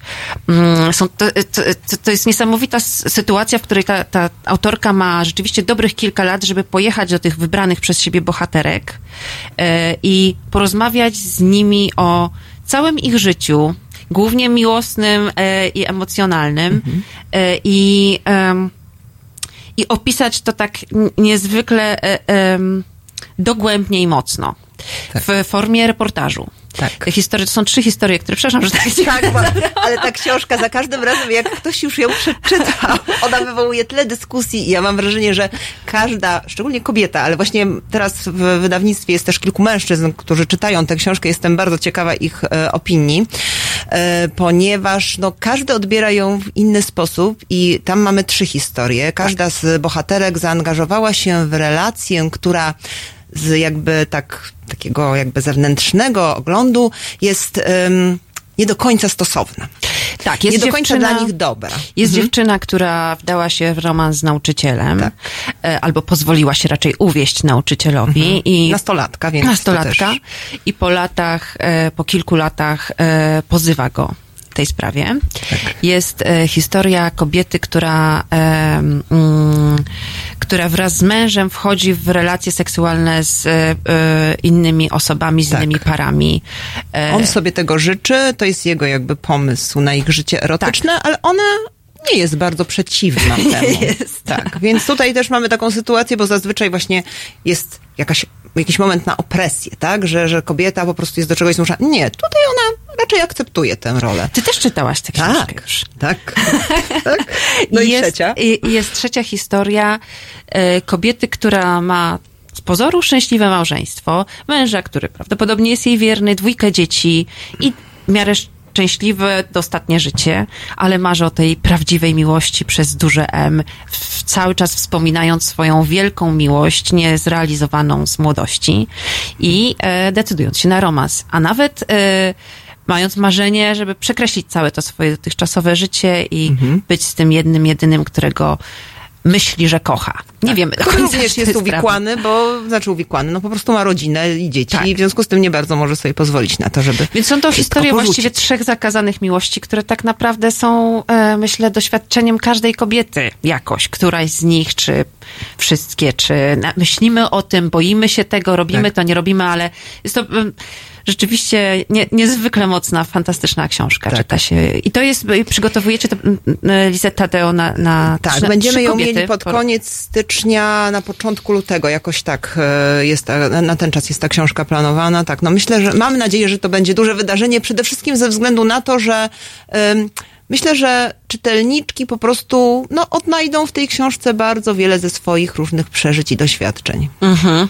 Przede wszystkim kobiety, no bo dotyczy to kobiecego doświadczenia, ale jestem bardzo ciekawa, co mężczyźni na ten temat będą mieli również do powiedzenia. No ale zaczęliśmy rozmawiać o, bo to jest no też świadectwo. doś- tak, doświadczenie Świadectwo, biografia. Mhm. E, ale czy myślicie, że taka literatura to teraz będzie taki, no rzeczywiście główny trend, taki gatunek będzie głównym trendem w literaturze? Ja myślę, że przez, y, bo tak było na, na rynku wydawniczym, że przez kilka ostatnich lat mieliśmy złoty czas reportażu. I ja myślę, że ta bliskość życia i jego uchwytność po prostu przeniosła się do prozy, bo to jest głód w czytelnikach. I mówię, szukaliśmy reportaży, one na tym ostatnim etapie weszły w takie reportaże stricte wcieleniowe.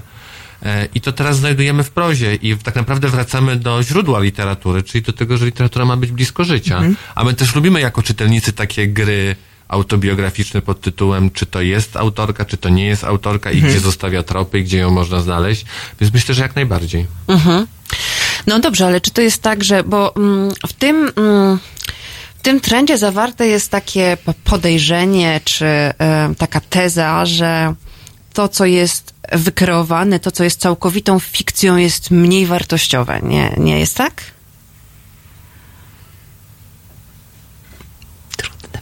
To trudne pytanie. Znaczy pytanie jest, czy w opowiadaniu siebie w ogóle można rozgraniczyć prawdę i fikcję, tak? Jeżeli w tych wątkach autobiograficznych, bo ja myślę, że opowiadanie o sobie zawsze jest domieszką fikcji i prawdy, jest próbą kreacji. Więc ja bym w ogóle takiego... Myślę, że w tych książkach, znaczy, czy w tych, auto, u tych autorów, których wymieniliśmy i łącznie myślę, że Lisa Tadeo też się w to wpisuje, czyli e, e, Karl Ove Knausgaard, Rachel Kask i e, Elena Ferrante, że jest w, ty, w nich też em, oczywiście, że tam jest pewnie część te, te, tego świadectwa jest fikcją, ale jest, e, są to autobiografie niezwykle autokrytyczne. Nie macie takiego poczucia, że one są, że oni pokazują się siebie, pewnymi trochę się roz, takimi- tak, z samymi sobą i że to są, em, no że jakby są dw, dw, dwie możliwości, jak pisze się o sobie, albo się pisze trochę lepiej, albo trochę gorzej. I to jest ten wypadek, w którym się pisze trochę gorzej. To jest, em, te książki przez to są, jest w nich rodzaj autosurowości i to, to jest bardzo interesujące też. Ja się zastanawiam, teraz mi to przyszło do głowy, bo sobie tak myślę, że to odsłanianie się jest też gdzieś odpowiedzią na literaturę na otaczającą nas rzeczywistość, tak? Doby Facebooka, Instagrama. Może w tym wypadku po raz pierwszy literatura wyprzedzi rzeczywistość i skoro literatura w tym takim opowieści narratora czy autora staje się autokrytyczna wobec niego samego, to za chwilę taka będzie rzeczywistość i Facebook i Instagram zmieni się w taki element kreacji autokrytycznej. Mówisz, tak? jakbyś czytał e, Jonathana Francena e, eseje. Nie nie, czytałeś, bo E, nie, ale tak sobie myślę. Bo on też, teraz. e, on też po, podnosi argument mediów społecznościowych i tylko mówi trochę odwrotnie, to znaczy, że e, ten e, autokrytycyzm literatury jest odpowiedzią na tą e, autopromocję mediów społecznościowych, że to jest rodzaj takiego odbicia e, i że stąd się bierze ten trend. Że nie wierzymy w to, że wszystko może być tak piękne i tak, idealne I że i jednak potrzebujemy też czegoś jest- bardziej mhm, głęb, głęb, głębszego. A No bo, poza tym myślę, że w środku tak naprawdę jak zaczynamy grzebać, to zawsze więcej jest mroku. to prawda. To prawda. A, Michał, a y, ty, bo rozmawialiśmy, właściwie to chyba jest y, Liza Tadeo i Trzy kobiety, to jest odpowiedź na moje pytanie, które chciałam za chwilę zadać o książki na świecie, które, o których wiecie, że są, albo wiecie, że się piszą i na które czekacie. Michał, ty masz taką książkę? Ja siedzę w, dzia- w dziale polskim, więc ja niestety grzebię, grze, znaczy nie niestety. Ja, może jest jakiś ja polski autor, który pisze jakąś czytam książkę. to, co napływa do naszego wydawnictwa. Wszystkie propozycje przychodzą przez moje ręce. Tego jest tyle, że starczy mi na najbliższe 10 lat życia. No dobra, a co E, zgłaszają e, potencjalni autorzy? o- dziennie i to wszystkim autorom odpowiadam, bo wszyscy się złoszczą, że, e, że, ja nie, że nie mają odpowiedzi dwa dni później. Dziennie do nas spływa od 10 do 20 propozycji wydawniczych każdego Ale dnia. czy to są autorzy już znani Nie. po debiucie, czy to są To są sami debiutanci, osoby, które po prostu bardzo ciekawe i co oni chcą wydawać? wszystko. Oczywiście, znaczy e, stałe, stały element, który powraca zawsze na propozycjach wydawniczych, to jest pod tytułem Moja żona wyjechała gdzieś za granicę, pisaliśmy maile, złożyliśmy to w formie książki, powieść epistolarna do wydania. Aha, To jest ale to jest element. ciekawe, no bo to jest odpowiedź na ten, na ten emigrancki, na, na, na wielką polską emigrację. Znaczy, kilku- tak, na, ja jestem bardzo zmęczony tym, co czasami, bo to mówię, ja zawsze opowiadam, że to jest trochę tak, jakby szukać perły w kaszance, tak? Bo tam spływa wszystko. Ludzie, ludzie przysyłają naprawdę wszystko, natomiast ja chcę powiedzieć jedną rzecz. Mnie to zawsze wzrusza, kiedy otwieram tego maila, na którym napływają do nas propozycje wydawnicze i tam po prostu czeka 60 propozycji wydawniczych przez weekend, które napłynęły, bo to pokazuje, że ludzie wierzą w literaturę, że ona Mhm. jest im do czegoś potrzebna. To prawda. E, o tym porozmawiamy jeszcze za chwilę po przerwie, a teraz e, nie wiem ja nawet jak wymienić, jak wy, wymówić tego e, muzyka. Pair of Stellar, The Sun.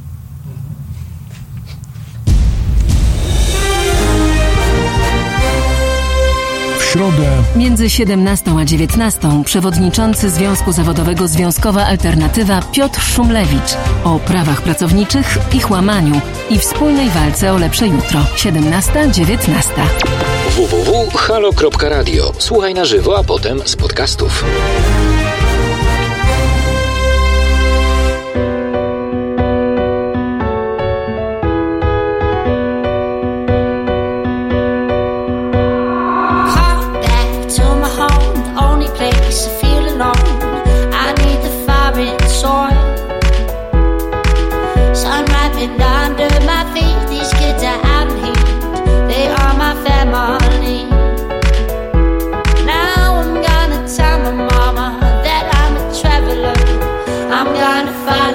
side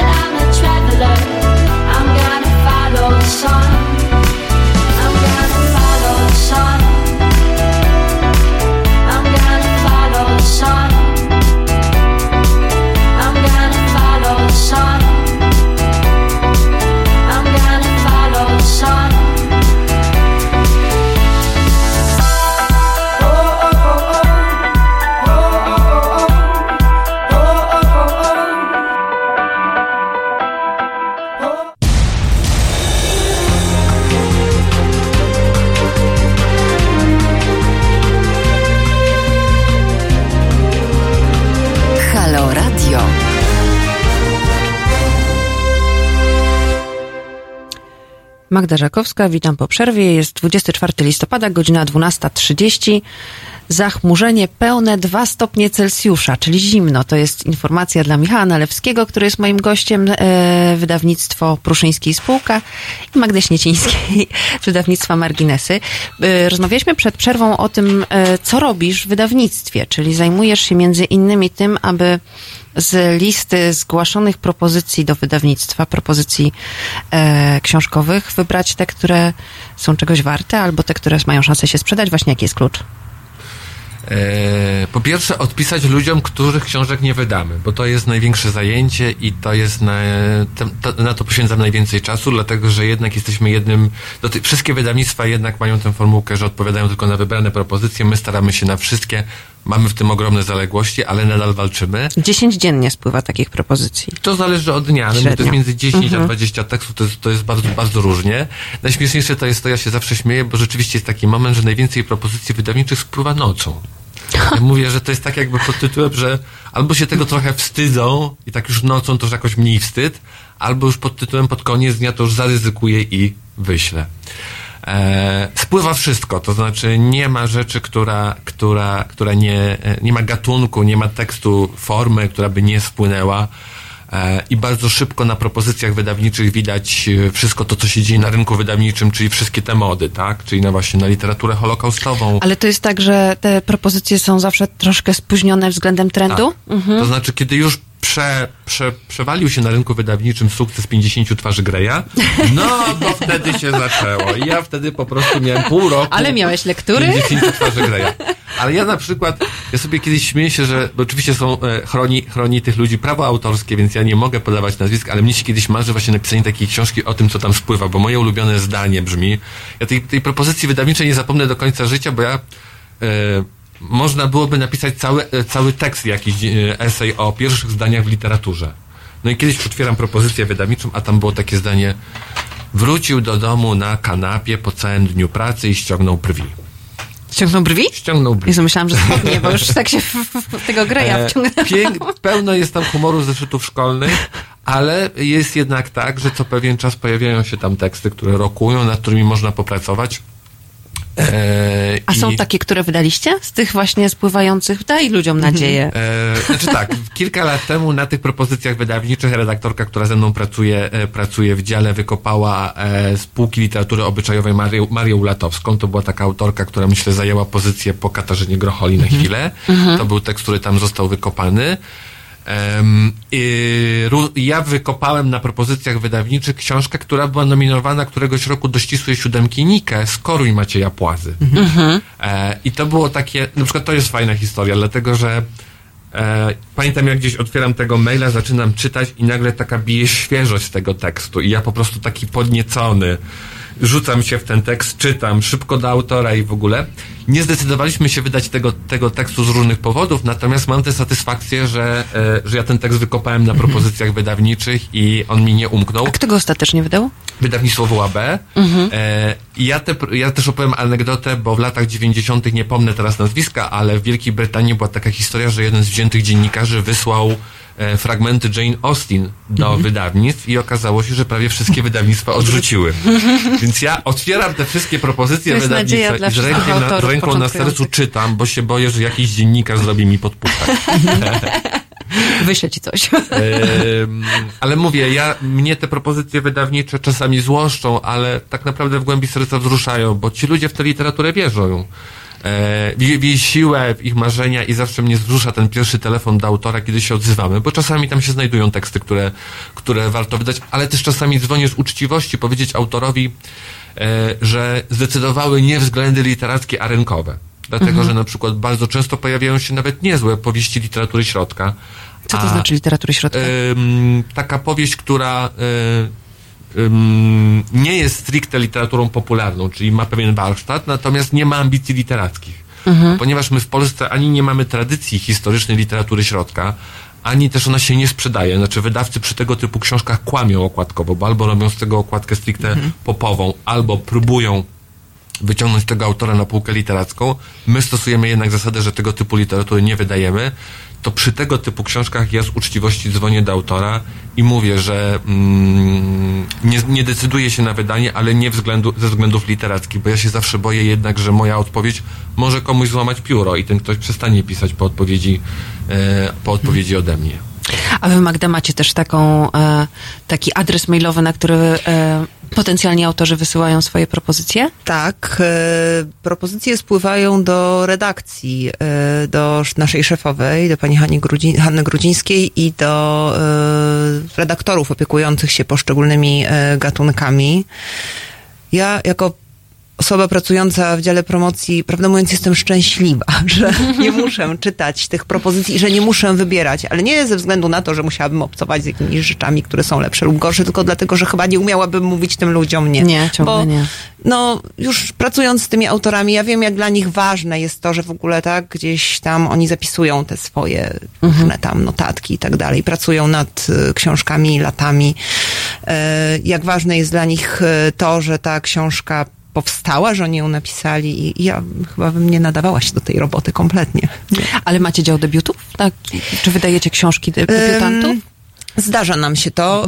Y, No, mieliśmy naprawdę, to było trzy lata temu, ukazała się książka Radki Franczak, Serce, która trafiła do y, ścisłej siódemki Nike. E, I no to rzeczywiście była wyjątkowa rzecz, przy czym to była książka, która trafiła do nas z polecenia, ponieważ Radka e, funkcjonuje w środowisku filmowym e, i e, gdzieś ktoś powiedział nam o tym, że jest taka osoba, która pisze książkę, wtedy jeszcze sam pan Andrzej Wajda dał polecenie na e, właśnie książce e, Radki Franczak.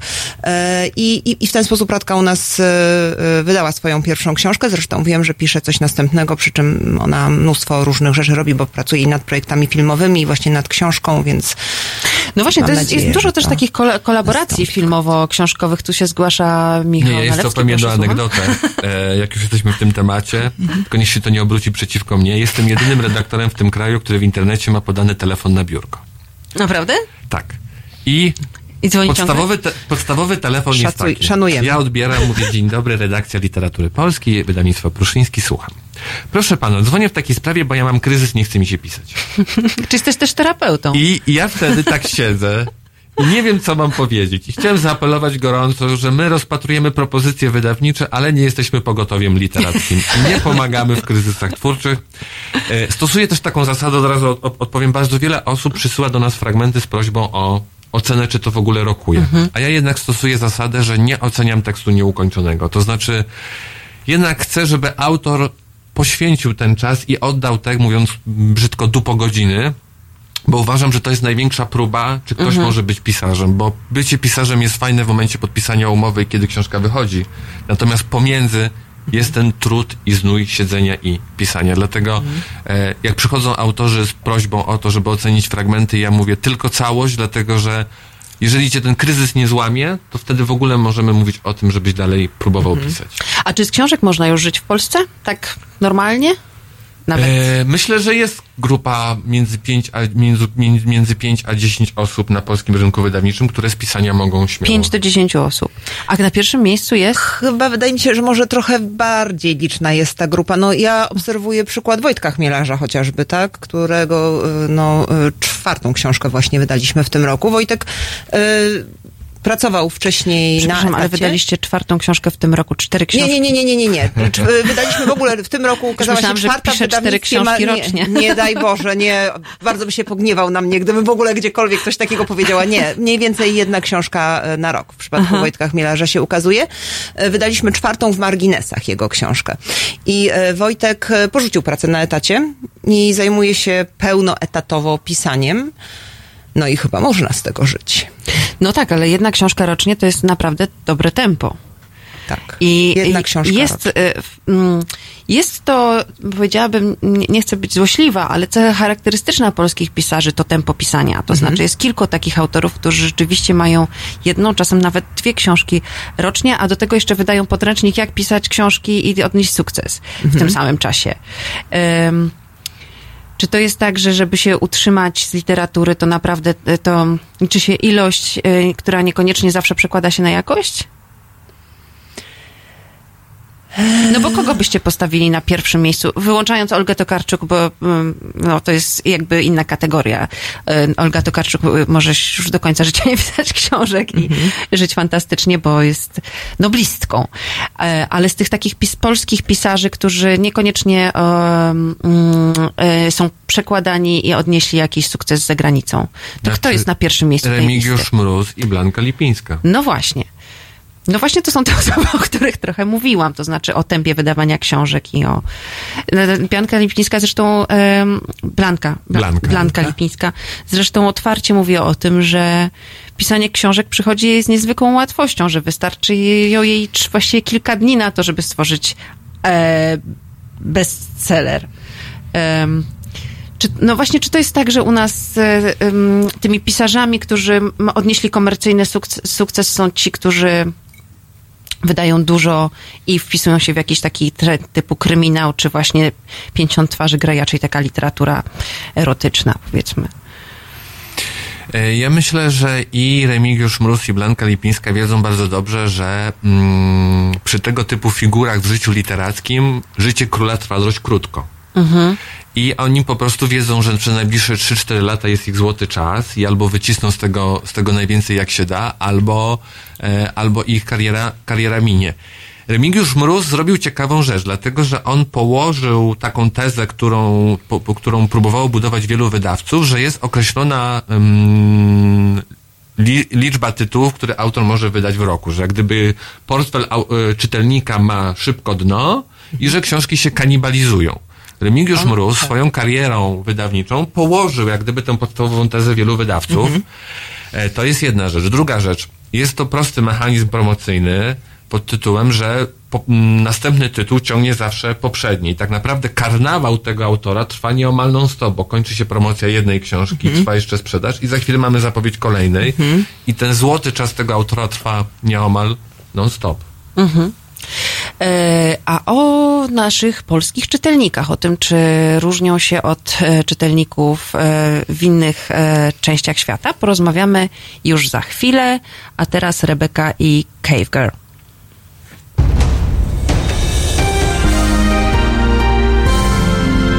We wtorek. Między 19 a 21 reżyser i aktywista obywatelski Bart Staszewski oraz cała gama tematów pod hasłem Prawa osób LGBT. 19.21. www.halo.radio. Słuchaj na żywo, a potem z podcastów.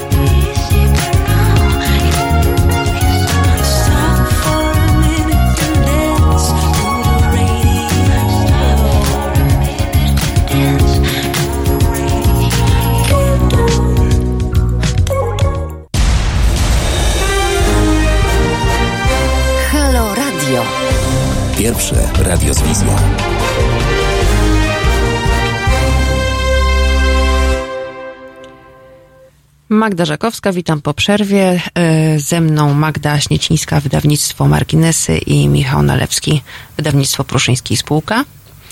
Porozmawiajmy teraz o tym, kto czyta te książki, które wy wydajecie.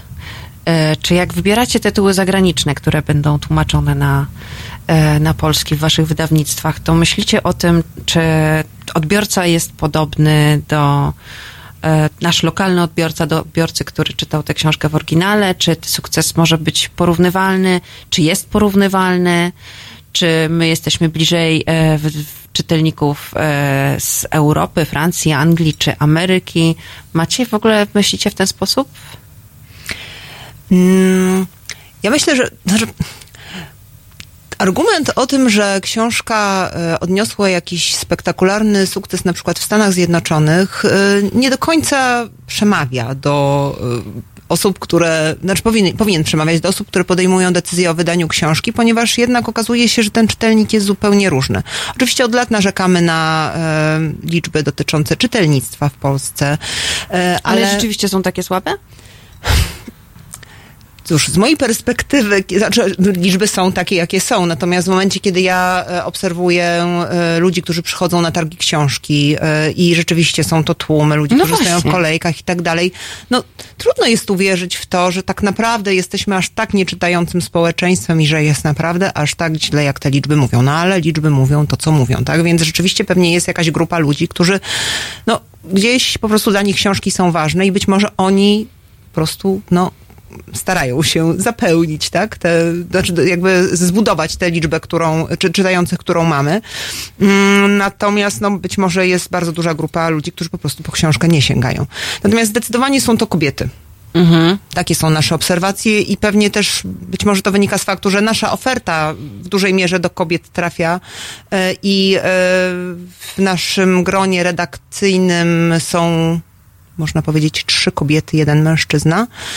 E, I e, pewnie nie ma to znaczenia, tak, że, że akurat właśnie wybierają takie, a nie inne książki, a może właśnie ma, no w każdym razie na pewno czytelniczka marginesów to jest raczej kobieta, no...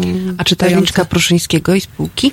Ja myślę, że w ogóle w Polsce czytelniczka jest kobietą. Mhm. E, Ona jest kobietą e, koło Literatura jest 40, kobietą, czy czytelniczka koło jest kobietą. 30, czy koło 50? e, w Pracująca, wypadku czy to jest bezrobotna? od 40 w górę. Aha. E, A u was?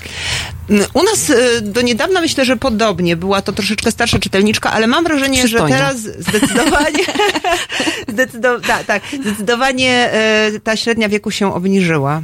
Bo y, no, mamy więcej, nie wiem, chociażby książek y, sensacyjnych i tak dalej. Na pewno po biografii sięgają właśnie takie, powiedzmy tak, panie y, w wieku po 40 pewnie chętniej, natomiast właśnie mam wrażenie, że trochę ten wiek się u nas obniżył. A 30-latki sięgają po kryminały, czy po 50 twarzy Greya? Ja myślę, że i po to, i po to, tak naprawdę.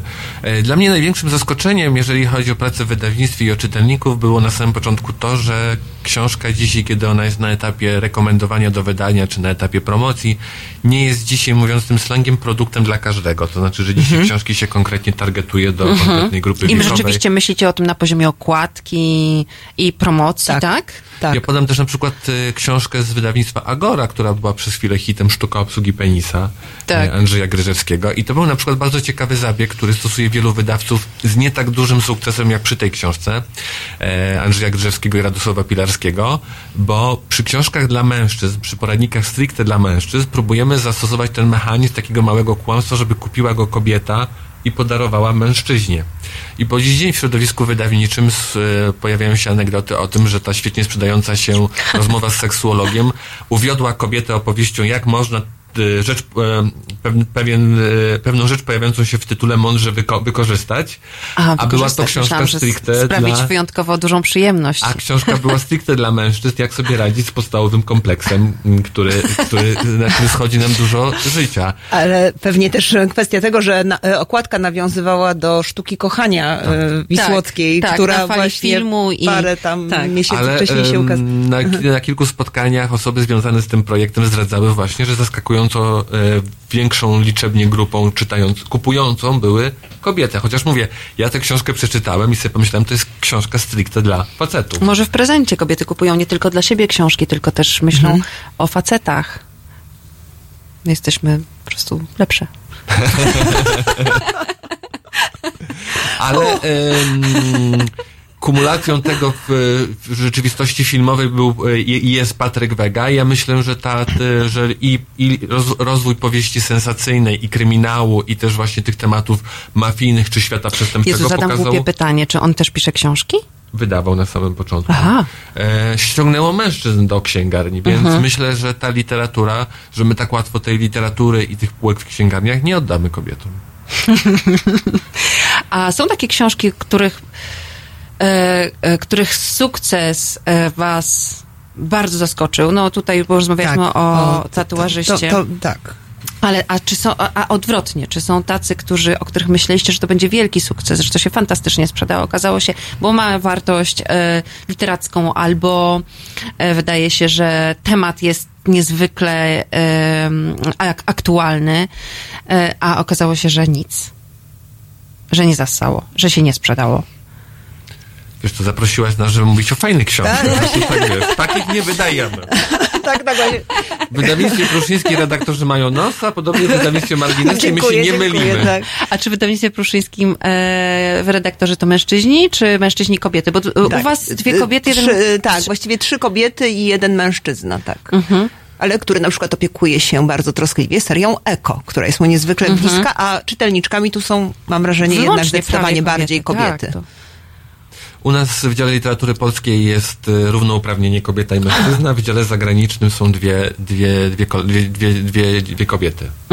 Więc... Y, ale myślę sobie, że są takie książki, które nie trafiają w swój czas. Bo są takie comebacki, tak? Na przykład, podam, podam przykład, y, bo teraz kilkanaście tygodni temu Świat Książki wznowił książkę Barnesa Pomówmy Szczerze. I to jest książka, którą my jako wydawnictwo wznowili, wydaliśmy w latach 90. I myślę, że w ogóle moda na Barnesa to jest na przykład taki, taki przykład autora, Tak, który w latach prawda. 90. nie trafił na swój czas. Tak.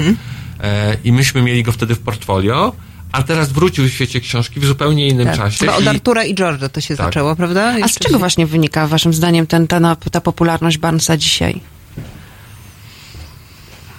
Czy, bo mm, szczerze mówiąc, znaczy kocham jego książki, ale jest w nich też coś takiego, co jest trochę właśnie antytezą tego trendu, e, który, e, który jest teraz tej, w, tej, w tej literaturze wysokiej, tej, tej, tej, tych książek autobiograficznych, które się są sześciotomowe, każdy tom po 600 stron, Elena Ferrante, właśnie Knausgard, a to są książki, które jesteś w stanie przeczytać w jeden w zimowy weekend, nie wychodząc z łóżka i pijąc herbatę. Barnes jest taką antytezą tego. Jest wybitna, wys- wysoka literatura, którą jesteś w stanie pochłonąć dość szybko i Może właśnie to jest ta tajemnica Mhm. sukcesu, No właśnie, że można tak obcować myślę, z dobrą taką literaturą, a jednocześnie Tak. nie są to jakieś bardzo Ja, duże dla, ja, ja tomy. dlatego, ja mam, ja mam w sobie potrzebę takiego płodozmianu, to znaczy jak czytam e, właśnie sześciotomowy, sześciotomową powieść, to potem mam ochotę albo na opowiadania, Mhm.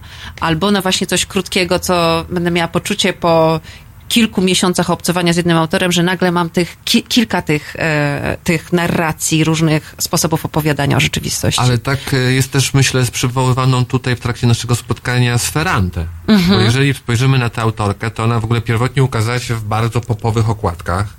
Ona była przez długi czas na rynku i nagle w pewnym momencie pojawiła się moda na Ferrante. Mhm. I wtedy recenzenci piszący recenzje nie mogli wydawcy darować tych okładek i po tych pier- okładkach przy pierwszym wydaniu widać ewidentnie, Właśnie, że okładka wydawca... potrafi zepsuć książkę, O, tak. prawda?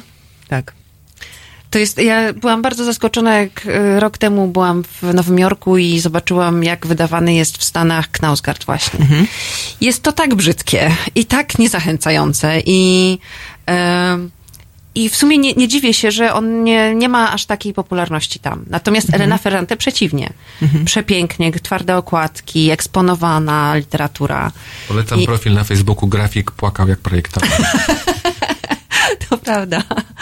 a, a wy myślicie, macie swoich, e, swoich artystów, którzy się zajmują e, projektowaniem o, okładek, czy myślicie, że bardziej zamawiacie sobie pod tytuł, czy bierzecie oryginalną okładkę z, e, z pierwszego e, wydania? No jeśli chodzi o marginesy, to y, przez wiele, wiele lat o- osobą, która odpowiadała za całą jakby naszą tutaj graficzną, tak, jakby graficzne, graficzną estetykę była Ania Pol. Dziewczyna po ASP, osoba, no, która rzeczywiście w pewien sposób wyznaczyła jakiś tam trend w okładkach właśnie w marginesach i myślę, że z właśnie jej okładkami często jesteśmy kojarzeni i one tak ogólnie uważane są za, za dosyć dobre. Często słyszymy dobre słowa po prostu o Mhm. naszych okładkach. Ania często dla nas robi te okładki. A u was, Michał? My współpracujemy z grafikami zewnętrznymi, no ale to jest to podstawowe pytanie, jak wyważyć y, okładkę sprzedażową i okładkę Mhm. estetyczną. Tak, to jest ta podstawowa wojna, którą toczą redaktorzy, wydawcy i osoby z działu promocji w każdym wydawnictwie. Jak bardzo ukłonić się w stronę sprzedaży, gdzie jest granica estetyczna. I jest przy każdej, przy każdej książce tak naprawdę jest, jest zabawa od nowa. Chociaż te książki, które dzisiaj przynieśliście, wszystkie właściwie można sobie położyć z dumą na, e, na stole i zostawić jako ozdobę. Przypominam, że e, może nie konkurs, tylko moje prywatne rozdawnictwo trwa. E, Nie wszystkie książki mają już swoich, swoich odbiorców, więc zachęcam do pisania e, do nas na adres mailowy teraz małpa halo.radio. E, Żegnam się z Państwem, żegnam się ze słuchaczami e, i życzę wszystkim wielu fajnych lektur na zimowe wieczory. Pozdrawiam serdecznie.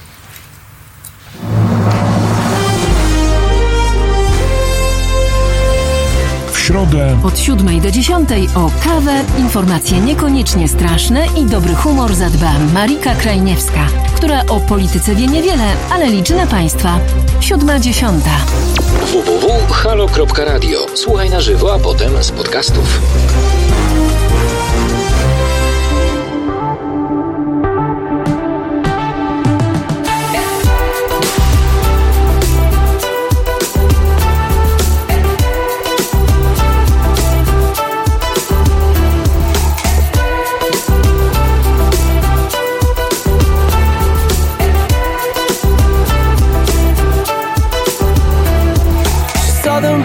I'm northern, and we both have traveled far.